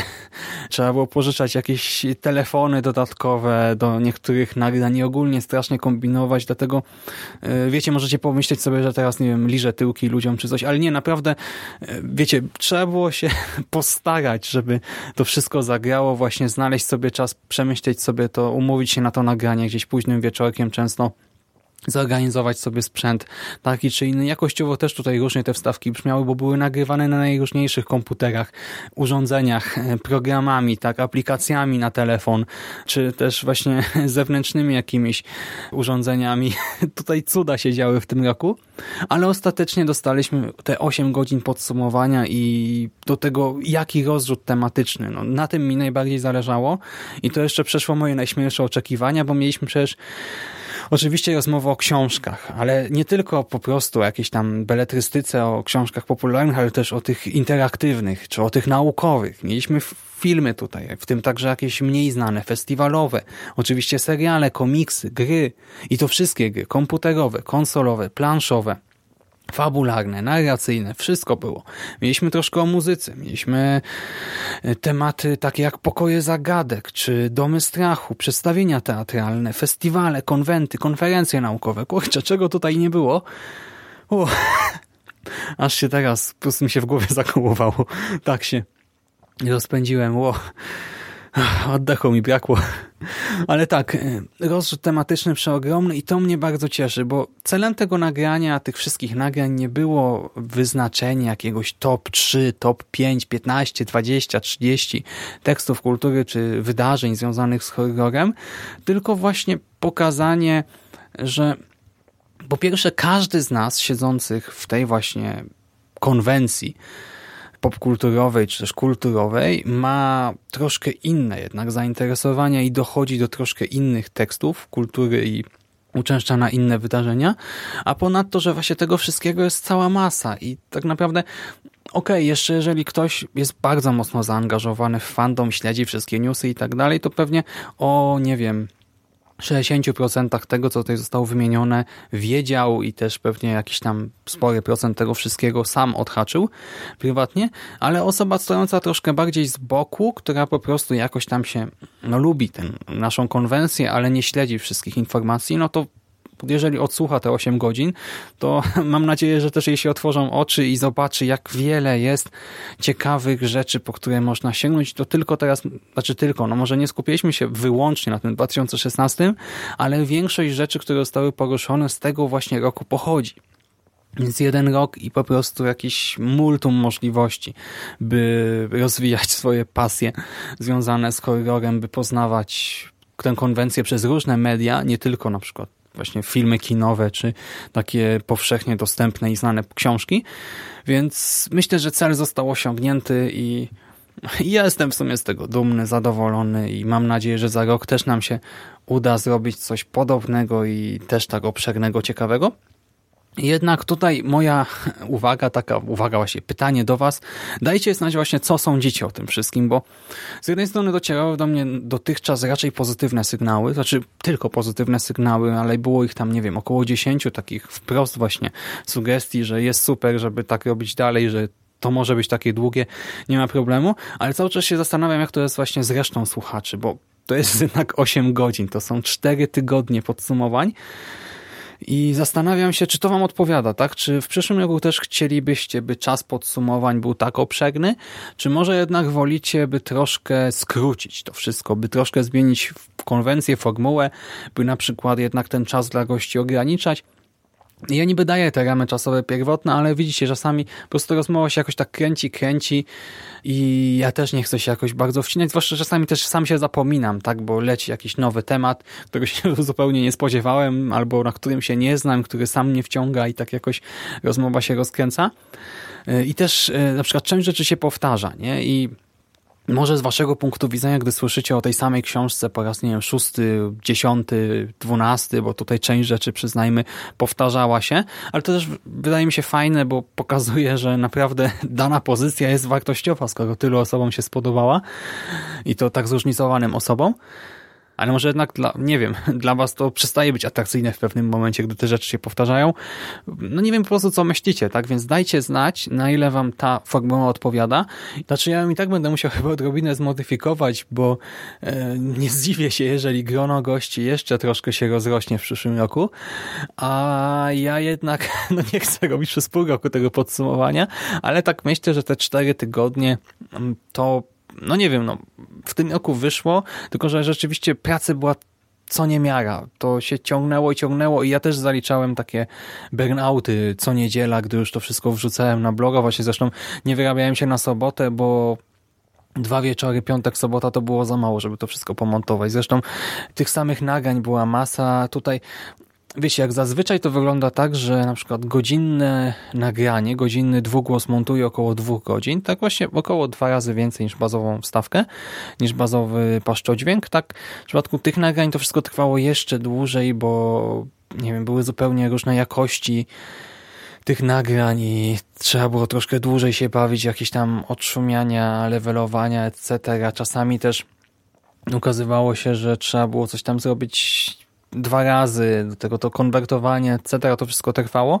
Do tego pracowałem na osobnych projektach zawsze, potem to wszystko wrzucałem w jeden i na koniec właśnie, nie wiem, samo sklejanie wszystkiego w jeden, czas podsumowań i potem znowu eksport, upload trwało, a jeszcze dwa razy zaliczyłem wpadkę. Raz przez moje przeoczenie, bo wrzuciłem w końcowy projekt, ten ostateczny, wstawkę, która była niezmontowana. Po prostu miałem pliki tam minimalnie różniące się nazwą. W jednym było chyba mont, że zmontowana, a drugi tego nie miał, ale już na koniec się spieszyłem, chciałem jak najszybciej to zrobić. Pomyliłem pliki i potem wiecie, podcast niby poleciał, wszyscy spaliście, a ja jeszcze przez półtorej godziny podmieniałem wszystko w projekcie, na nowo to eksportowałem, uploadowałem, a raz też po prostu Audacity nie wytrzymało tak długiego nagrania, brakło pamięci, czy coś tam się pojawiły takie mikroprzerwy na ścieżce i też Potem musiałem to od nowa eksportować. Już wszystkie procesy pozamykałem, żeby nic się nie zacięło i chyba za drugim razem poszło. I ogólnie to pochłonęło jakieś absurdalne ilości czasu, dlatego za rok no będę to planował teraz przez najbliższe 10 miesięcy, by to jeszcze lepiej logistycznie ugryźć i by ostatecznie efekt końcowy był dalej imponujący, ale bym ja się nie zaorał po prostu w styczniu i w lutym. I też bym nie zaliczył tego burnoutu, bo wiecie, to oczywiście tam trwało dzień, dwa, ale naprawdę ja w poniedziałki, wtorki, jak już byłem po zmontowaniu tego wszystkiego, po tych znowu kilku, kilkunastu godzinach pracy nad nowym odcinkiem, to ja na sam widok Audacity dostawałem dreszcze, drgawek i w ogóle jakichś spazmów. Cóż, życie podcastera, tak, który nie zna umiaru. W każdym razie, tak, już nie będę przedłużał. Czekam na wasze opinie, walcie po prostu prosto z mostu.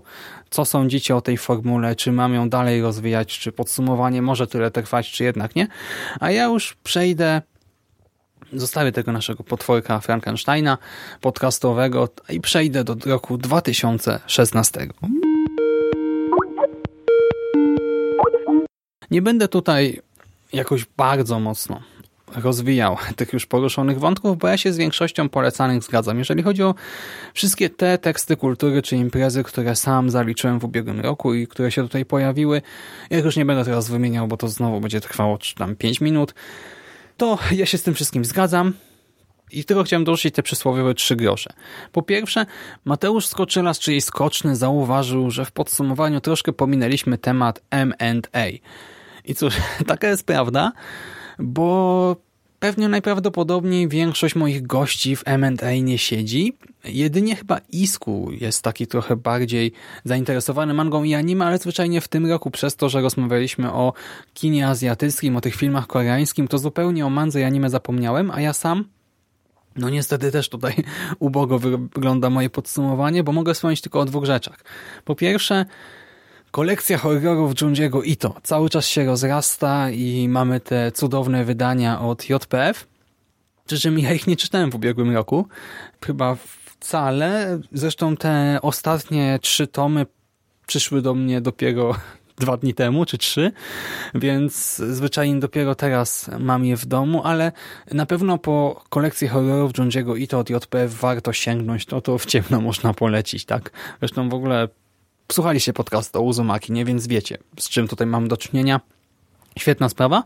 A jeżeli chodzi o anime, to ja obejrzałem w ubiegłym roku tylko jedno anime, czyli Danganronpa, o której zresztą nagrałem podcast. I Danganronpa, cóż, taki wariant, taka wariacja na temat Battle Royale, czy też Igrzysk Śmierci, troszkę bardziej szalona. Mnie się podobała, jeżeli nie wiecie co to jest, ja nie będę teraz na nowo streszczał, odpalcie sobie podcast tam pierwsze, nie wiem, 5-10 minut, żeby załapać o co dokładnie chodzi. Jeżeli was wciągnie, to przesłuchajcie albo obejrzyjcie po prostu anime. Ja ogólnie polecam. Co do innych mediów, cóż, jeżeli chodzi o komiks, ja bym uzupełnił te nasze polecanki o jedną rzecz, o Scotta Snydera gdyż w ubiegłym roku sięgnąłem po kilka komiksów Snydera i widzę, że facet też całkiem nieźle czuje konwencję grozy. Oczywiście Snyder jest teraz znany z nowego DC, z tych wszystkich Batmanów, ale ja tutaj oczywiście to ignoruję i skupiam się na rzeczach takich bardziej grozowych, czyli na Witches, Wake, Severed i na amerykańskim wampirze. Myślę, że wszystkie te cztery komiksy warto poznać i o Witches nagraliśmy audycję z Tomkiem Lewgowdem właśnie. Wake jeszcze się nie pojawił, ale zwróćcie uwagę, że użyłem słowa jeszcze w nawiedzonym podcaście. A Severed recenzowałem dla Carpe Noctem. Macie recenzję tekstową też na konglomeratpodcastowy.pl w naszym serwisie. O amerykańskim wampirze już y, Mando wielokrotnie opowiadał w Radiu SK, więc o większości tych tekstów mogliście już usłyszeć, przeczytać, a jeżeli nie, to niedługo będziecie mogli. Więc tak, Scott Snyder, komiksiki polecamy. Jeżeli chodzi o książki i filmy, Tutaj ja chyba od siebie niczego nie dodam. Znaczy, jeżeli chodzi o książki, ja mam też jeszcze wielkie zaległości, zresztą z filmami też ja sobie wyliczyłem e, jakoś w tygodniu, że mam jeszcze 18 zaległych tytułów filmowych, które nie pojawiły się tutaj u nas w podsumowaniu, a które pojawiają się w różnych topkach internetowych, które mogą być interesujące. I dzisiaj nie będę o nich mówił, bo tak mówię, to są dla mnie zaległe rzeczy do nadrobienia ale na pewno w międzyczasie, gdy będę je nadrabiał, to też co jakiś czas pojawi się podcast na ich temat i tak do końca roku pewnie je sobie jakoś w tej czy innej formie przerobię i o tych przynajmniej najciekawszych Wam opowiem. Podobnie będzie z książkami. Tutaj też mam duże zaległości niestety, ale z tego co przeczytałem, no to wszystko już padło i ja się z tymi wszystkimi polecankami i z polskiego rynku i też zagranicznych autorów zgadzam. Co do filmów, to może bym dorzucił jeszcze Demona, który wprawdzie premierę miał w 2015, ale światową dystrybucję oraz premierę na DVD już w 2016 i o nim też nagrałem podcast.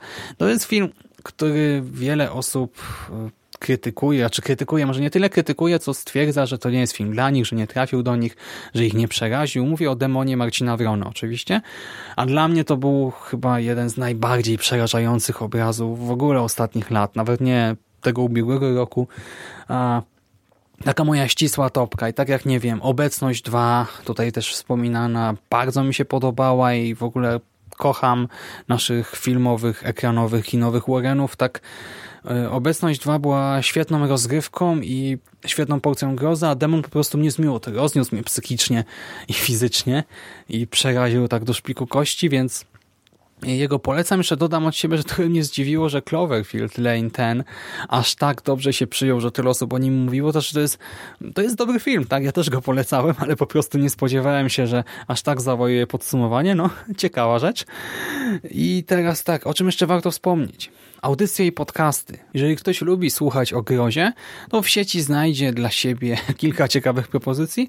Cały czas nadaje Tchnienie Grozy, Jacka Brzezowskiego, którego mogliście usłyszeć także w tym podsumowaniu, w tym odcinku z ubiegłego tygodnia.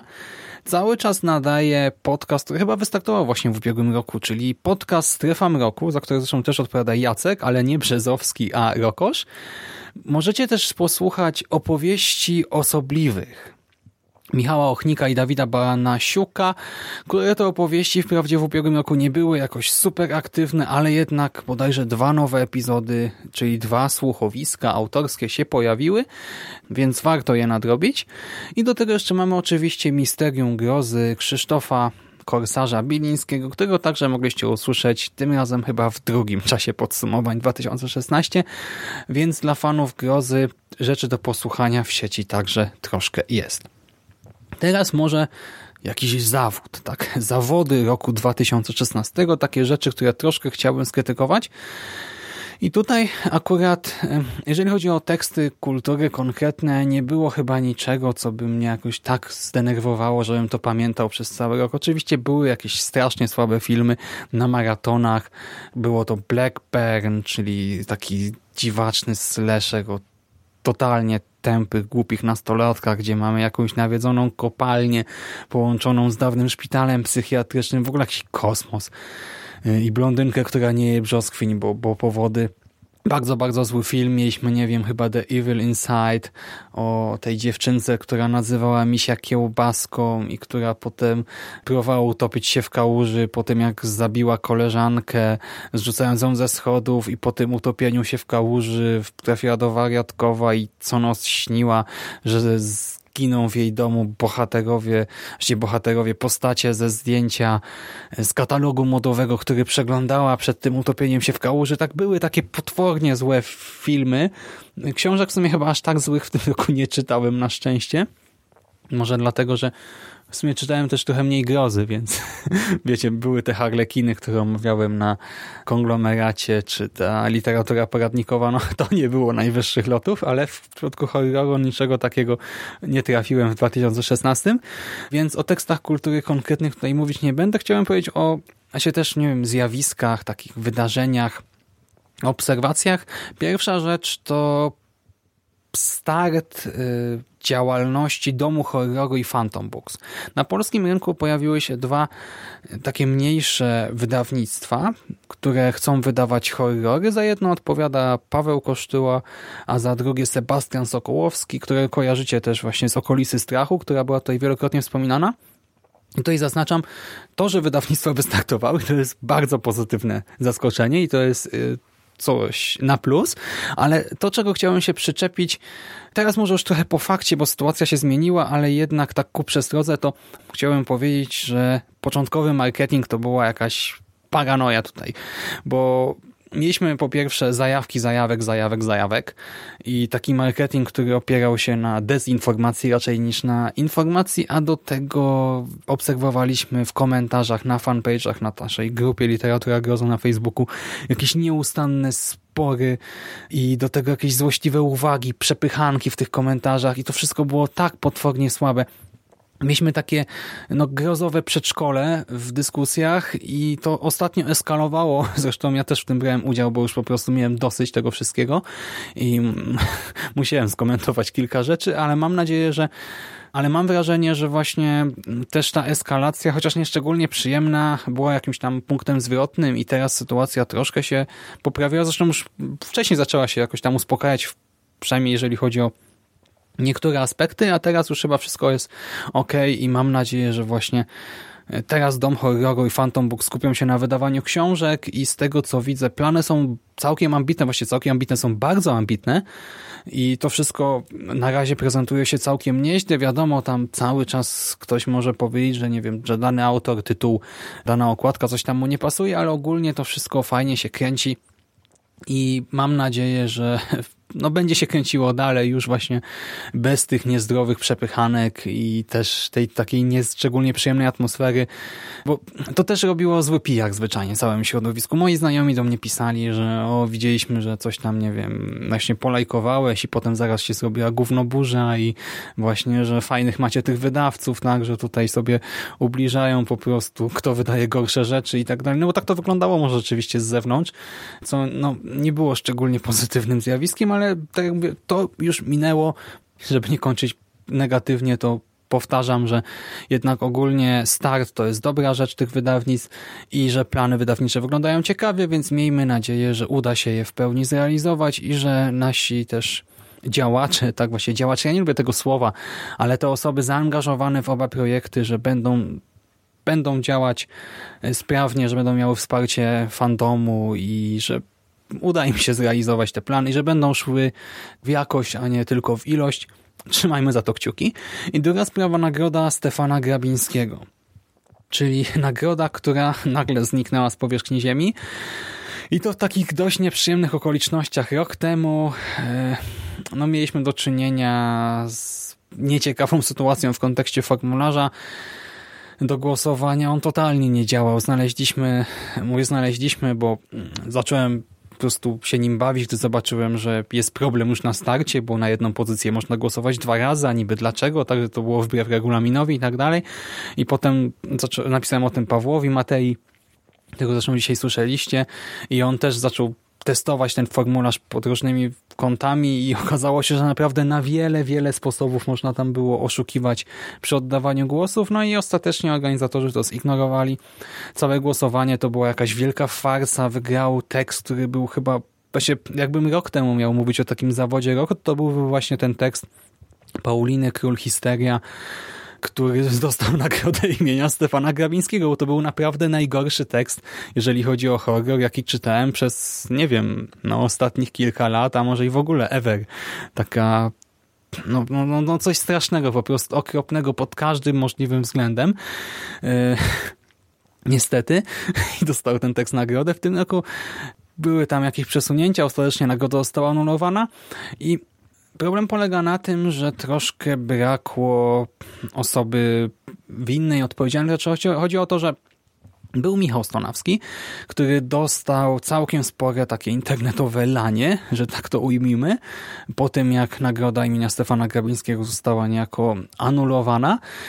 I Michał na to zasłużył, bo bardzo chciał być w centrum uwagi, w świetle fleszy, w świetle w blasku reflektorów i cóż, no, skoro chciał zbierać pochwały i cały czas podkreślał, że jest właśnie prezesem, organizatorem, pomysłodawcą, etc., etc., całej tej inicjatywy, no to też nie dziwota, że na koniec gdy się okazało, że inicjatywa jest niewiele warta i została po prostu nagle bez zapowiedzi rozwiązana, że na koniec y, trzeba było przyjąć na klatę wiadro się wiadro, no, przeogromną porcję krytyki, to mocnej krytyki, ale też co istotne, no umówmy się, nie tylko Michał odpowiadał za tę inicjatywę i nie tylko on e, tutaj zawalił pewne rzeczy, a reszta jakoś tak osób odpowiedzialnych troszkę zamiotła sprawę pod dywan, tak odwróciła się do całej sprawy plecami i udała udawała, że e, w ogóle nie wie o co chodzi.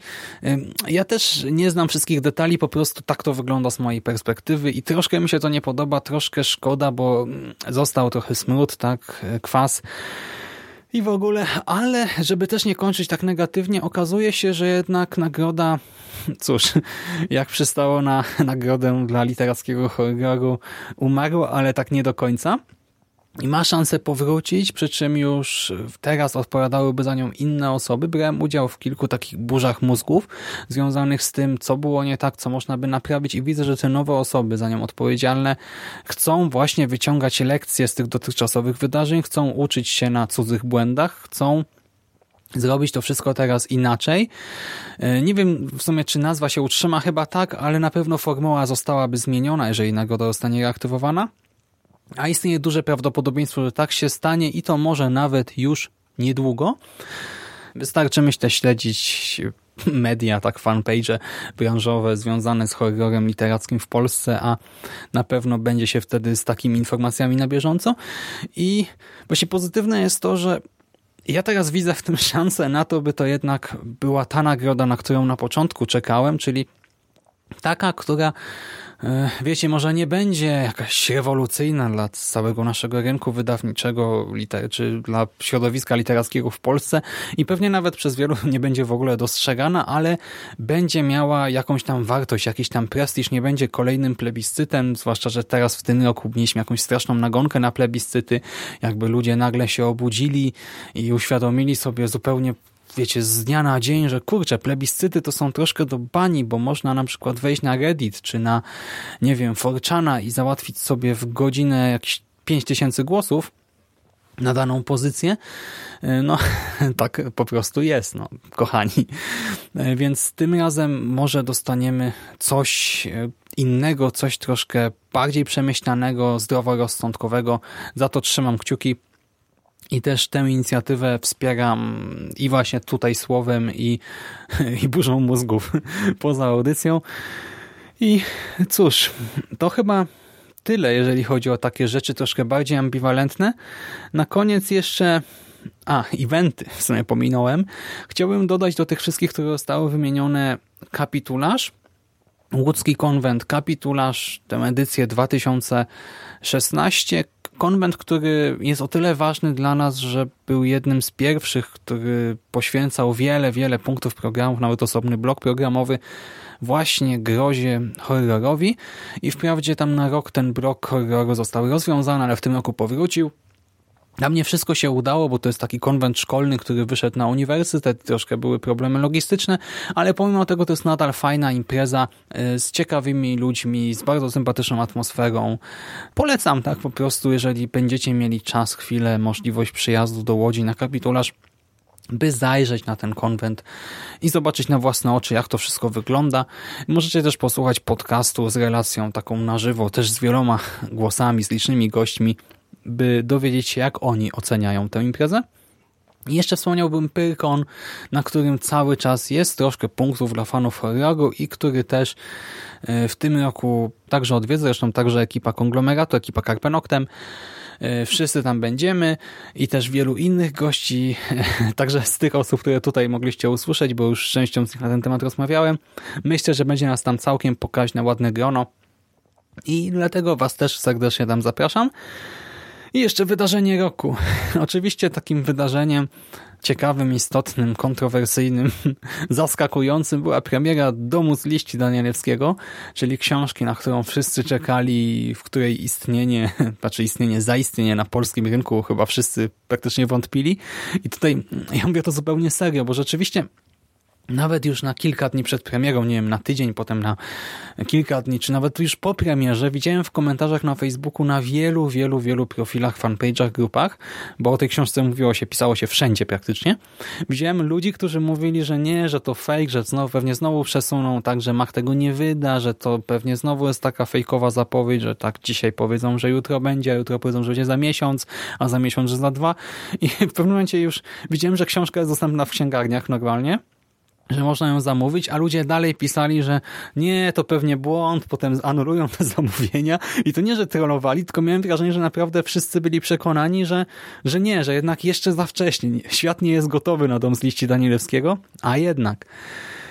Więc tak, dom się ukazał, mam go na półce i cóż, w związku właśnie z tym hypem całym, ale też niepewnością potencjalnych czytelników chciałbym o tym wspomnieć, a druga rzecz, takie moje prywatne wydarzenie roku to jest start konglomeratu podcastowego. Tak, ja wiem, że może to nie jest tak stricte związane z horrorem, chociaż o grozie tam też można posłuchać. Macie chociażby cykl Jerego o legendach VHS, gdzie Przynajmniej do tej pory chyba tylko o horrorach opowiadał Jerry.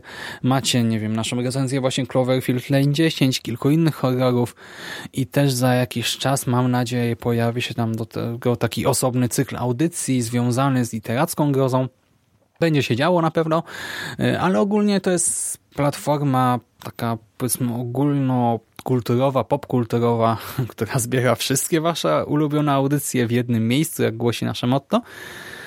I to jest miejsce, na które czekałem, którego potrzebowałem razem z Mando Jarem i Skórą, by móc porozmawiać właśnie nie tylko o horrorze, ale też o innych tekstach kultury.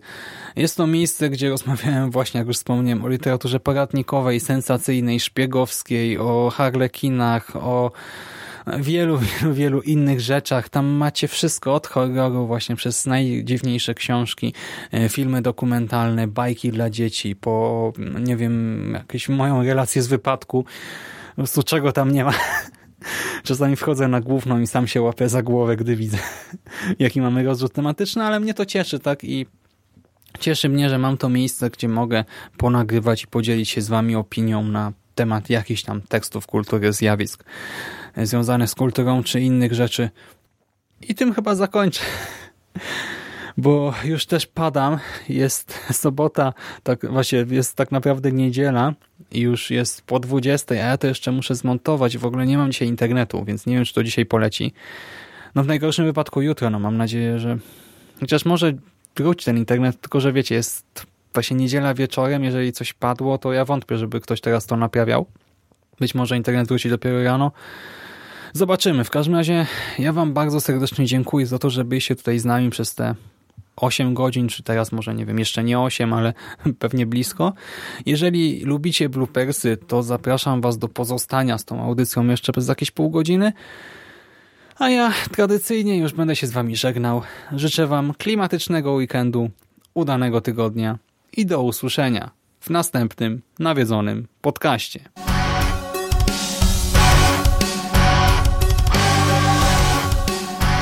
A już za tydzień w kolejnym nawiedzonym podcaście.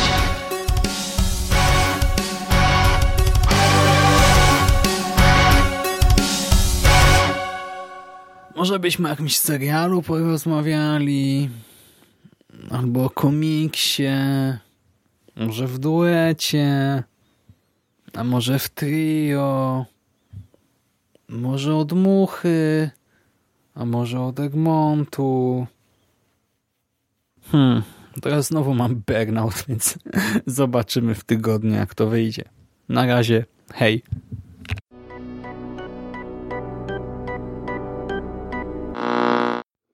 Okej, okay, powinno, powinno pójść. Widzę yy, te znaczniki, więc idzie. Leci, Dobra, to ja yy, też włączę. Jak w porządku. Jak będę się jąkać, to proszę to ładnie wyciąć. Ale dlaczego miałabyś się zacząć jąkać przy, nie wiem, czwartym, piątym bo podcaście? Jest, bo jestem nieprzygotowana. Znaczy jestem, mam, powy, mam Ale, a wpisała się pani rzeczy. na listę z datą? No to dwójka, przykro mi. Bez możliwości poprawy. No to już no zbyt no to... często w tej grupie się dzieje. To... No dobrze, no to się, to się poprawię. Postaram no, najpierw się. Michałek, potem Hubercik, teraz Pokusia. No, no, no, no, no. Ja jestem debiutantką, proszę mnie tutaj traktować delikatnie. A to co, na pierwszym roku to nie przygotowania nie obowiązują, przepraszam? No, no dobrze. No właśnie. W ogóle... No już. Okej. Okay, no okay. dywanik do rektora. Zabrzmiało poważnie. Tak, z indeksem proszę przyjść w sobotę o 22, tak właśnie, po nagraniu. Okej, okay, okej, okay, okay, nie ma sprawy. Boże. Dobra, dobra Szymon, odpalamy i jedziemy, bo znaczy już leci, tak? Czyli... No, u mnie się już właśnie minuta 12 nagrała, także... Dobra, to tylko, że też witamy się, pytam co u ciebie i potem przechodzimy. O, do czego przechodzimy? Dobra, dobra, już okej. Okay. Przechodzimy do tematu, okej. Okay. Dobra, wszystko rozumiem. Zastanawiam... Zastanawiałam się, gdzie przechodzimy i zwątpiłam. Do pokoju obok. I tak co, co pięć minut zmieniamy pokój. Spoko. Tylko wiesz, ja mam dwa, to będzie problem. Ale to mogą się powtarzać w tej grze. Będzie, będzie mało ten, będzie mało atrakcyjnie ciągle słuchaj. Przepraszam, że ja tak chichotam, ale dobra, dobra. To, no ty też, no to okej. Okay. Dobra, to się witaj i róbmy, bo, bo będą hece potem. Tylko proszę tego nie używać w żadnych bloopersach, dobra? Dzięki. Ale to nie ma takiej zasady, to, to, to wręcz przeciwnie. Aha, im, im głupiej i śmiesznie, tym lepiej. Dobra, Szymon, bo kurde... Ale to nie, nie dajesz tego... mi zacząć przecież, no. Wszyscy cię zagadują, nawet debiutanci. Zrób coś z tym. Dobra, już. Jestem poważna. Proszę bardzo. Panie Szymonie. Cześć.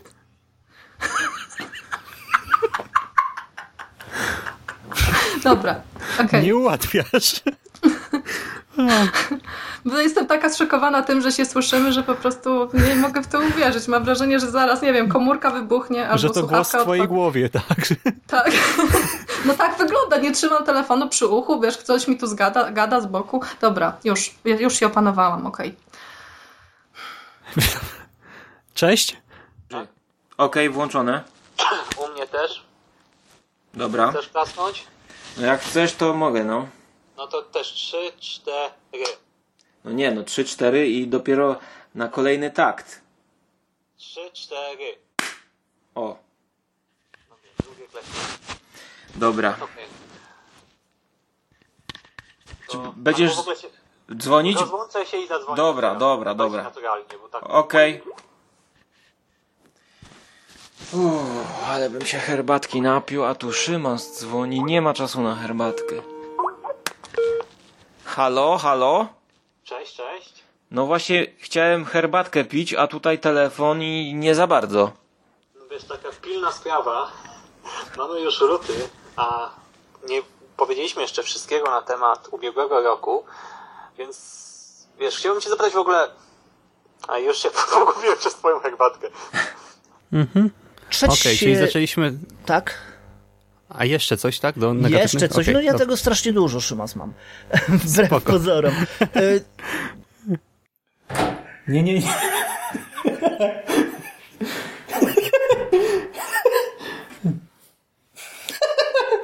o. Kurczę. Kim ja piasuję? Nie, no żartuję, żartuję. No. Ale tak, już mi się nagrywa.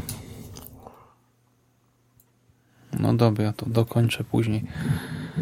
No to skoro już ci się nagrywa, to lecimy z tym koksem. Mhm. A, to a poczekaj. witamy się. Ty... Pytam cię, co tam u ciebie słychać. Nie wiem, kogo ostatnio zabiłeś, e, dlaczego Paweł musi być takim wrednym tym, jak gramy w CSa e, i w ogóle. A, co? A potem przechodzimy do polecanych odrazanek. U mnie leci i się nagrywa. Dobra? Raz, raz, raz.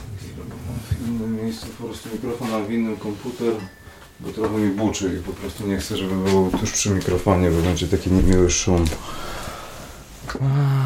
Dobra, dobra, dobra, czekaj, tutaj jeszcze muszę zobaczyć. Mm, no dobra, to możemy zaczynać. Okej. Okay. Raz, raz, raz, no.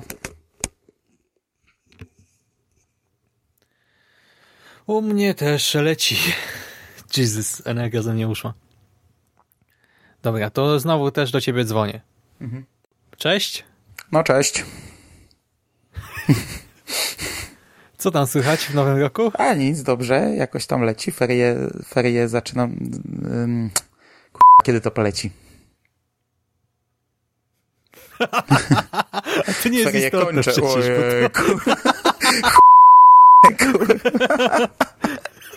ferie zaczynam, jest fajnie. Jest fajnie. Dwa tygodnie. A nie, to jest fajnie, jest fajnie, ferie zaczynam. O, tak się przywitam. Wypikaj tego w razie jakbyś zostawił. No. W razie jakbym zostawił. O. o. A to, to zazdroszczę. Bo ja mam sesję. O. A to nie zazdroszczę, bo ja już nie mam. No dobra, ale to ale myślę, jak że... to poleci, to ja już będę miał po sesji, a ty po feriach. ale myślę, że nie dzwonisz o. po to, żeby rozmawiać o sesji, tylko domyślam się, że chciałbyś mnie spytać o horrory.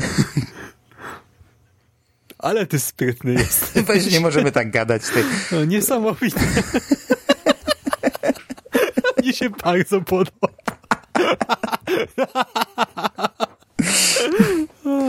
No dobrze, to o co chciałeś mnie spytać? Nostramandus. E, to może po prostu to pójdzie w bloopersy, a my zaczniemy jeszcze raz. No.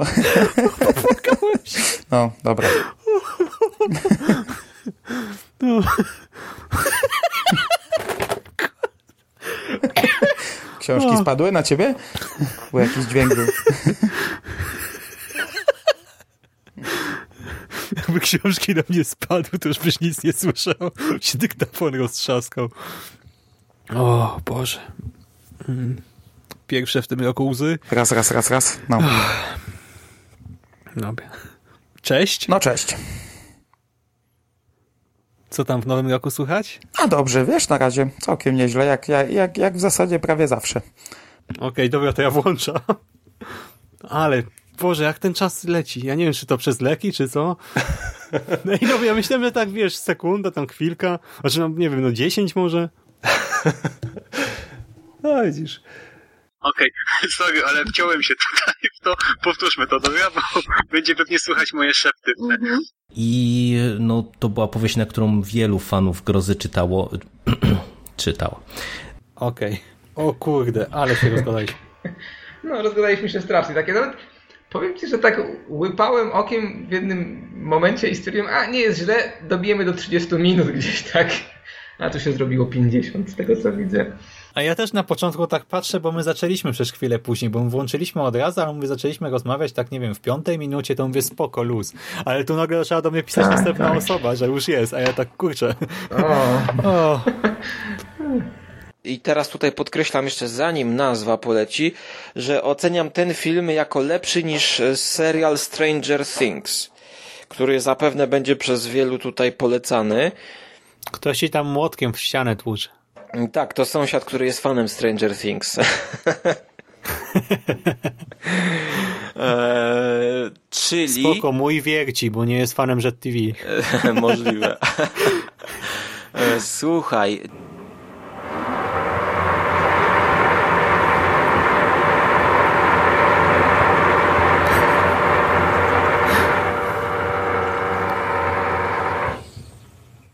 Coś, ty chcesz się wcinać, czy ja mam tylko mówić?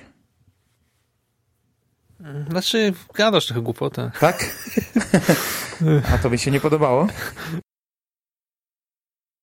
No, mów, mów. Nie, nie, ja po prostu chcę, żebyśmy przeszli dalej, mów, bo się skupiłeś na tym, tym jednym. No mów, mów, okej, okay, no mów, mów, przechodź. A teraz powiedz mi, jak oceniasz ten poprzedni rok? Jak oceniasz... Kurde. ja tu mam gotowe przykłady, nie? Żeby tak ocenić rok ogólnie. Możesz. Tylko jeszcze raz walnij. Słucham? Dzwoniłeś? Przechodzę właśnie do głównego punktu programu. Czyli? No niestety nie mam zbyt wiele, no czyli seriali właśnie, bo chciałem się skupić głównie na tym. No, chciałem się skupić... Chciałem się skupić głównie na telewizji, no bo... Troszkę jak Walking Dead, że ten, ten wątek zombie jest totalnie... Mm, przepraszam, uderzyłem ręką, bo się podnieciłem i zacząłem machać ręką i tego nie widać, ale... E, że... To ty tak pukasz, czy coś naprawdę tam Ja wali? się rzucam, trzepię się. Tylko jestem po, jestem po śniadaniu. O, o, nie wiem, może żeś się miodem wysmarował jakieś mrówki tam do nie, mieszkania. Nie, jestem po śniadaniu. E, ostatnio teraz oglądałem Jestem tutaj... po śniadaniu, nagrywamy o 16.09. No, ja mówię, że jestem tylko po śniadaniu. A, tylko. No. Okay. A do tego Myślę... jeszcze oglądałem food porny na, na tym, na Facebooku. Takie pastrami. Dobrze, że nie food hole. Nie, food porny, food porny z pastrami, taką kanapką z mięsem, e, no i, że tak powiem, troszkę mi ślinka poleciała, no i no ale te książki, słuchaj, to Biblioteka Grozy, i nie oglądałem Egzorcysty, ale to od początku wiedziałem, że nie będę tego oglądał i nie oglądałem Omenu, tego The serialowego. Power of Crap Compels you. The Power Bo... of Crap Compels you. Co ty do mnie teraz Let mówisz? the power of crap compels. Kończąc to, czego nie oglądałem, to również e, Omen, e, Damian. To chyba leciało w tym sezonie, a też absolutnie nie moja bajka. Natomiast Damien. Damian, kuźwa. E, kończąc to, czego nie oglądałem, to również serialowa wersja Omenu, czyli Damian. Natomiast przechodząc już do zakończenia mojej wstawki, tak masz krótką, ty także nie marudź, 16 minut dopiero, mówię 17. Przecież nie ma Najlepsza rzecz, no ale już tam słyszę, jak tam jęczysz pod nosem, albo że planujesz, już ja już, już to czuję. E, Dobrze, to myślę, że nie wiem, jeszcze. mhm. Coś jeszcze? E, a chcesz coś jeszcze, czy już ci wystarczy mojego gadania? Chłopiec yy, załatwiony. W każdym razie. Yy, w każdym razie. Co? Dobra, no to wy, wycinamy w każdym razie. I nie ma chłopiec załatwiony. Ale ogólnie cały sezon, jeśli nie oglądaliście, a jesteście fanami Martwego Zła, to w zasadzie nie wiem, czemu nie oglądaliście, to do ciebie między innymi Szymas mówię. Czy wiem dlaczego ty, bo czy, czy, czy problem z czasem, no ale czy ty mnie słuchasz cały czas?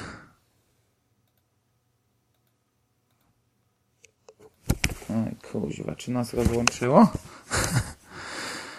Poczekaj.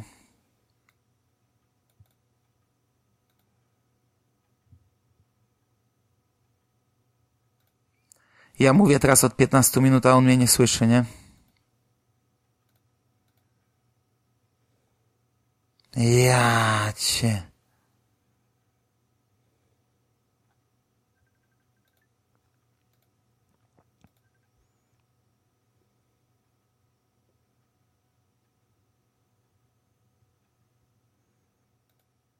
Halo? Halo, halo? Ty kiedy nas rozłączyło? E, jak powiedziałeś, że to był kapitalny sezon. A ja potem jeszcze mówiłem i mówiłem, nie? To ci streszczę, co mówiłem, no. mówiłem, że... A ty nagrywasz cały czas, No, tak? no nie będę tego powtarzał, to ci po prostu yy, wytniesz teraz ten kawałek, co ci streszczam. Yy, mówiłem, że, że twórcy yy, przekraczają bardzo mocno granice wszelkie, jakie mogą, że wiesz, że przekraczają granice dobrego smaku, przekraczają granice telewizji, że jadą po bandzie niesamowicie i że bardzo jest dużo nawiązań do do oryginalnego Martwego Zła, ale nie, mówiłem, że nie będę spoilerował i tam kilka razy do ciebie piłem, że, że, znaczy raz piłem, mówiłem, że polecam bardzo wszystkim fanom Martwego Zła, chociaż wszyscy fani Martwego Zła przecież to widzieli, e, chociaż tutaj kolega nie widział, I, ale później powiedziałem, że to, Jeszcze. no powiedziałem, że to z braku czasu i wtedy sobie zdałem sprawę, że ty zbyt długo milczysz. I, I, zauważyłem, że już nie, nie gadamy. Ogólnie powiedziałem, że cały sezon jest bardzo mocno napompowany, ale tak jak końcówka w pierwszym sezonie pozostawiała pewien, no, no, że e, była niepokojąca, tak w tym jest niepokojąca też jeszcze bardziej na tej zasadzie, że nie wiem, czy jest sens kolejnego, że, że ogólnie jest słaba końcówka, e, że ten problem, serial ma problem z, na razie z zakończeniami, ale że całość bardzo, bardzo mocno polecam. I, i te, te, tak bardzo płynnie mówiłem, także nawet tam ciąć, ciąć nie będziesz. Tam, bo ci uwierzę. Hmm w ogóle... No i co teraz? No i teraz możesz się odnieść Coś albo masz? nie odnieść. No w zasadzie nie. Z seriali... Mm... No dobrze, czyli podsumowaliśmy książki, filmy i seriale. A... I, i co? Boże, nie. Jeszcze teraz jak wypadłem z tej końcówki. No dobra. W ogóle chcesz coś dodać, czy nie? Tak co? totalnie, czy nie? Bo... Ale co, co, co? Nie wiem, czy ci robić Subwaya, czy nie. No możesz, o komiksach, tak? A do komiksów, tak? No bo, no bo o grach to chyba nie. W jednym momencie kot zaczął drapywać tapetę ze ściany, a nie chciałam już na niego krzyczeć, żeby się to nie nagrało. No więc sobie drapał. Mam nadzieję, że tego specjalnie nie będzie słychać. Mogłaś, mielibyśmy bloopersy, nie? Kotem. No, taki nieoczekiwany gość, prawda, specjalny. Zacznijcie się, rozglądać za chronem, za schronem przeciwatomowym. Ale ładnie, 14 minutek. Czy to były Zysku, czy Pruszyńskiego wcześniej? Nie, też... Z... Zysku były. Zysku wszystko, no. okej. Okay. No oczywiście, że tak. Jedziemy dalej. Jak mówimy o obecności, to przy okazji nawiążę do trzeciej części y, Anabel. A nie, przepraszam, Anabel oceniono na 3. Dobra, czyli mamy te cztery pozytywne zaskoczenia literacko, książkowo, ja, ja, Boże, niemiecki pod, literacko-książkowe. Tak jest. Boże, niemiecki. No, jestem zaskoczony tym, że e, pismo tak szybko osiągnęło taki poziom. No, oby tak dalej.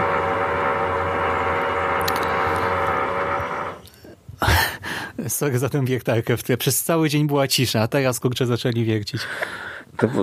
Zastanawiałem się, co, co to za odgłosy, no ale myślałem sobie, że to jakaś moja negatywna energia, która rozkłada wszystkie urządzenia elektroniczne. Już się bałem, że coś tutaj się dzieje, ale to dobrze, fale że... dźwiękowe, tak.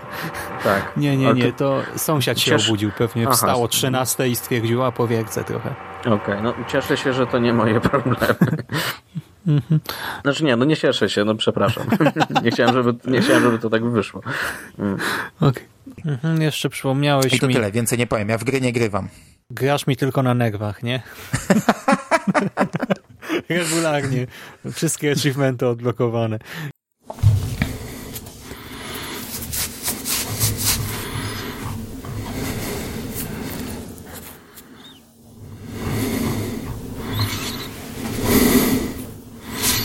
I bardziej w kolejnych sezonach, także to takie trochę nędzne podsumowanie, jedynie porównanie sezon lepszy, sezon gorszy. Jakoś czekam aż ktoś poleci u ciebie jakiś serial, w który mogę wejść. Warto, warto. Nawet w dyskontach z dużą zniżką, bo ja sam ostatnio też kupowałem drugi raz i można. Drugi raz? Y, na prezent. A, taki jeden do czytania, drugi do, do trzymania na półce. Nie, wiesz, jeden mi ukradli w żabce, znowu. Jak Ligottiego rok temu, to teraz akurat rok by minął, nie? Rok temu Ligottiego mi zgarnęli, teraz by mi kawkę zgarnęli. Taka no, obczytana taki, żabka. Tak. Pesymizm w czystej postaci. Nie? Pesymizm i absurd, rzeczywiście. O, dobrze, czyli... Tak. No może, może, wam, może zacznę w końcu. American Horror Story. Zaczniesz, no, skończysz. No, no. Bardzo się cieszę, że udało mi się tyle. Dzieje, no. Bardzo się cieszę, że udało mi się tyle horrorów obejrzeć. Tu się dzieją normalne rzeczy, to ty masz coś z głową po sesji. Yy... nie, przed sesją. A po tych tam nie wiem, co wy tam za czarną magię odprawiacie na uniwersytetach. Yy... Ale o tym się często nie myśli pierwsze próby to podejmowałem, jak mieszkałem w akademiku w Niemczech. I tam mm. czasami, raz to w ogóle była impreza w kuchni i niby drzwi były zamknięte.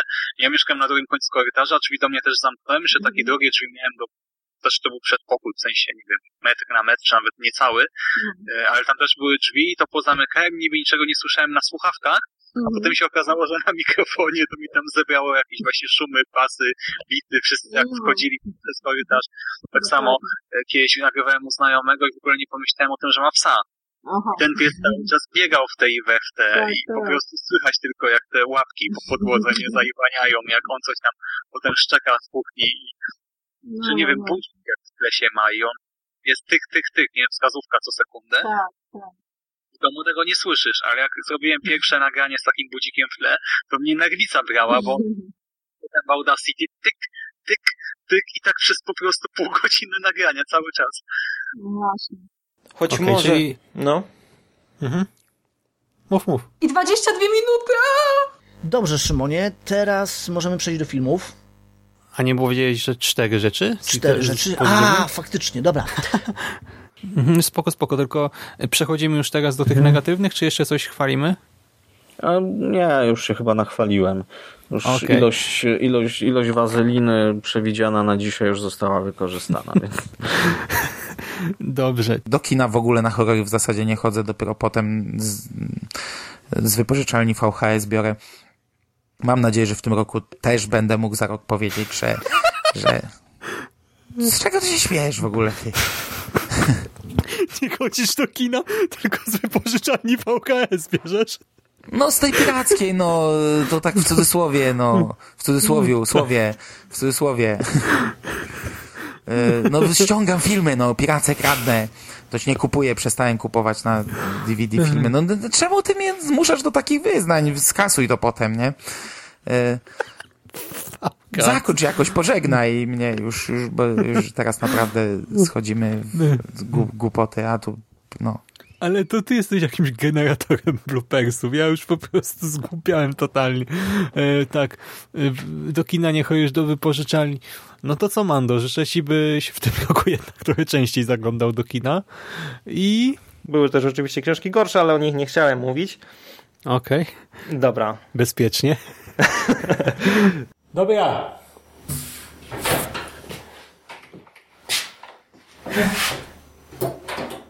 No i co? I jeszcze raz, bo się nie nagrało. Spoko, teraz może by poszło płynniej. Teraz dwa razy więcej przypomniało mi się. Dobra, mamy. Dobra. Tak, ja muszę pójść zobaczyć, czy to się wszystko bez problemu nagrało, bo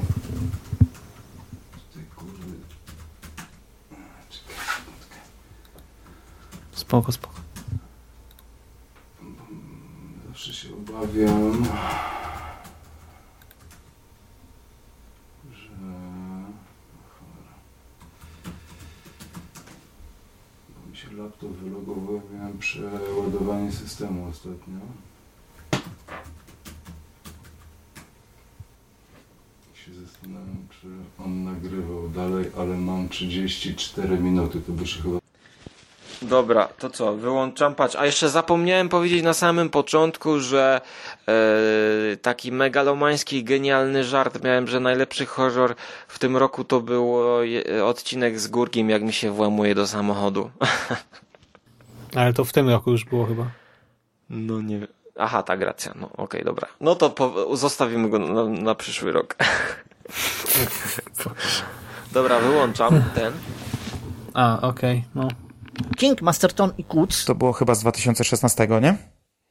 Czy to był wcześniej yy, nakręcony film? No załóżmy, że, że, że ja go widziałem w 2016. A mnie się to właśnie bardzo, bardzo podoba. No.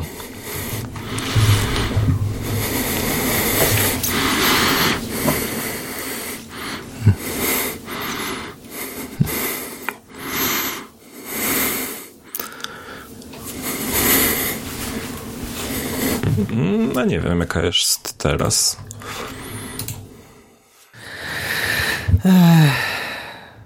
Ci rozmarzyłem teraz. Zacząłem sobie wyobrażać, które książki bym zbierał drugi raz, żeby mieć je cyfrowo i tak w pewnym momencie pomyślałem sobie wszystkie.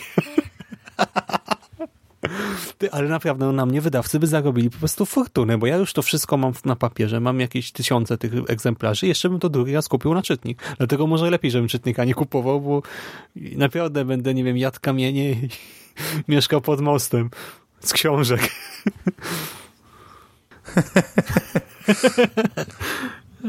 W Dobra. Bo nie, to, to, to ale to jest dobra wstawka. To przypadek. Co? Ale to, to, to, tak zaplanowałeś, to tak wyszło przypadkiem. Ja ale to wyszło. Wiem. To, no. to, ty jakoś się, jakby jak na narkotykach tu się zachowujesz. Ja mówię wszystko płynnie jak należy. nie, no to, to będzie dobra wstawka, zobaczysz. Zresztą okay, to, tak. to nawet jak, jak te śmiechy pozostawiasz, nawet jak tego nie dasz w bloopersy, to te, te, te podcasty akurat mają taki urok. Okej. Okay. Tak. No, a w ogóle planujesz gadać z tą samą ekipą, czy ściągać innych jakoś w tym roku? Mm, zaprosiłem raz, dwa, trzy, cztery, pięć, sześć, siedem, osiem, dziewięć, dziesięć, jedenaście, dwanaście, trzynaście, czternaście, piętnaście, szesnaście, siedemnaście, osiemnaście osób zaprosiłem, ale dwie już napisały, że nie mogą chyba. A 16 tak, że może? Czy, czy znaczy, część nie odpisała w ogóle. Nie no, myślę, Wiesz, że, że będzie z 10 po 4 osób. osoby miałeś gdzieś na podcast. No, to ze trzy podcasty lekko, nie? Takie bardzo długie. Zobaczymy, no. Ale na przykład Jerry bardzo ładnie się zmieścił w limicie i płynnie. A to już Jerry i, był? No myślałem, że jestem poważnie. pierwszy. O nie, teraz Mando nie będzie spał po nocach. Ostatnio, bo ty rok temu byłeś ostatni, nie? Dzisiaj chciałeś być pierwszy, jesteś drugi. No. Zawsze A, pod no dobra. Dobra. Po zgretku to, to, to. A czy wiesz, ja cię i tak wmontuję na koniec. No. no. Dobra, tutaj kończymy. Telefon z ostatniej e, chwili. Mówię ci, że dobra ta wstawka będzie. Nawet nie będziesz miał dużo cięcia, to ci mówię. Wysłać ci plik taki surowy, czy coś z nim porobić? No ale jak porobisz? Znaczy, no ścieżki prze... wyrównać, znaczy... przelewelować. No jak chcesz dzisiaj, to możesz go przelewelować, bo i tak dzisiaj nie będę montował ani jutro no dobra. tego. Muszę nagrać no na dobra. sobotę coś. Dobra. A ja dziś dwa podcasty, okay. widzisz, ponad prawie dwie godziny. Stary, ty to przede wszystkim trzymasz moje gierki przez pół roku w szkicach, a potem mi mówisz, że cztery podcasty w grudniu, o, sześć w styczniu. no to nie ja trzymałem, teraz Jerry za to odpowiada bardziej. No, już wiesz, że no, ale fakt, napisał, że w styczniu malutko. Że, że przejęliście konglomerat i trzeba zrobić ten pucz jakiś czy coś, bo blokujecie cudze nagrania. No. No. Dobra, rozłączamy się. No, no. Trzymaj się. Cześć. Ale coś, nie, bo ogólnie ogólnie okej, okay. jesteś zadowolony, czy nie, czy... Ale z czego? No dobra, nieważne. No bo nie wiem... A ze stawki, no... No. Spoko, no. No dobra. To, to, Będzie dobra, duży rozrzut po prostu i tematyczny, i formalny, i wszystko. No jak zawsze, to był cały urok tego, nie? No tak. Tylko no. naprawdę przez chwilę myślałem, że ty nie trolujesz tak celowo po prostu przez całe Nie, nie. Może ja po prostu już mam ten, wiesz, po tych pół, półtorej godziny z, e, z Bogusią ja mam z kolei już jazdę na mówienie, a ty, a ty masz zamuła ja po, po pracy. Wziąłem no. dwa apapy i przespałem no. dwie godziny. No. Dlatego ja teraz jestem, A ja jestem, wiesz, wiesz na fali, nie? I może, może tak zabrzmiało. No, dobra. No, Rozłączam się już, bo już no, na razie. gadasz. Na razie. Hej, hej, hej jak to wyłączyć.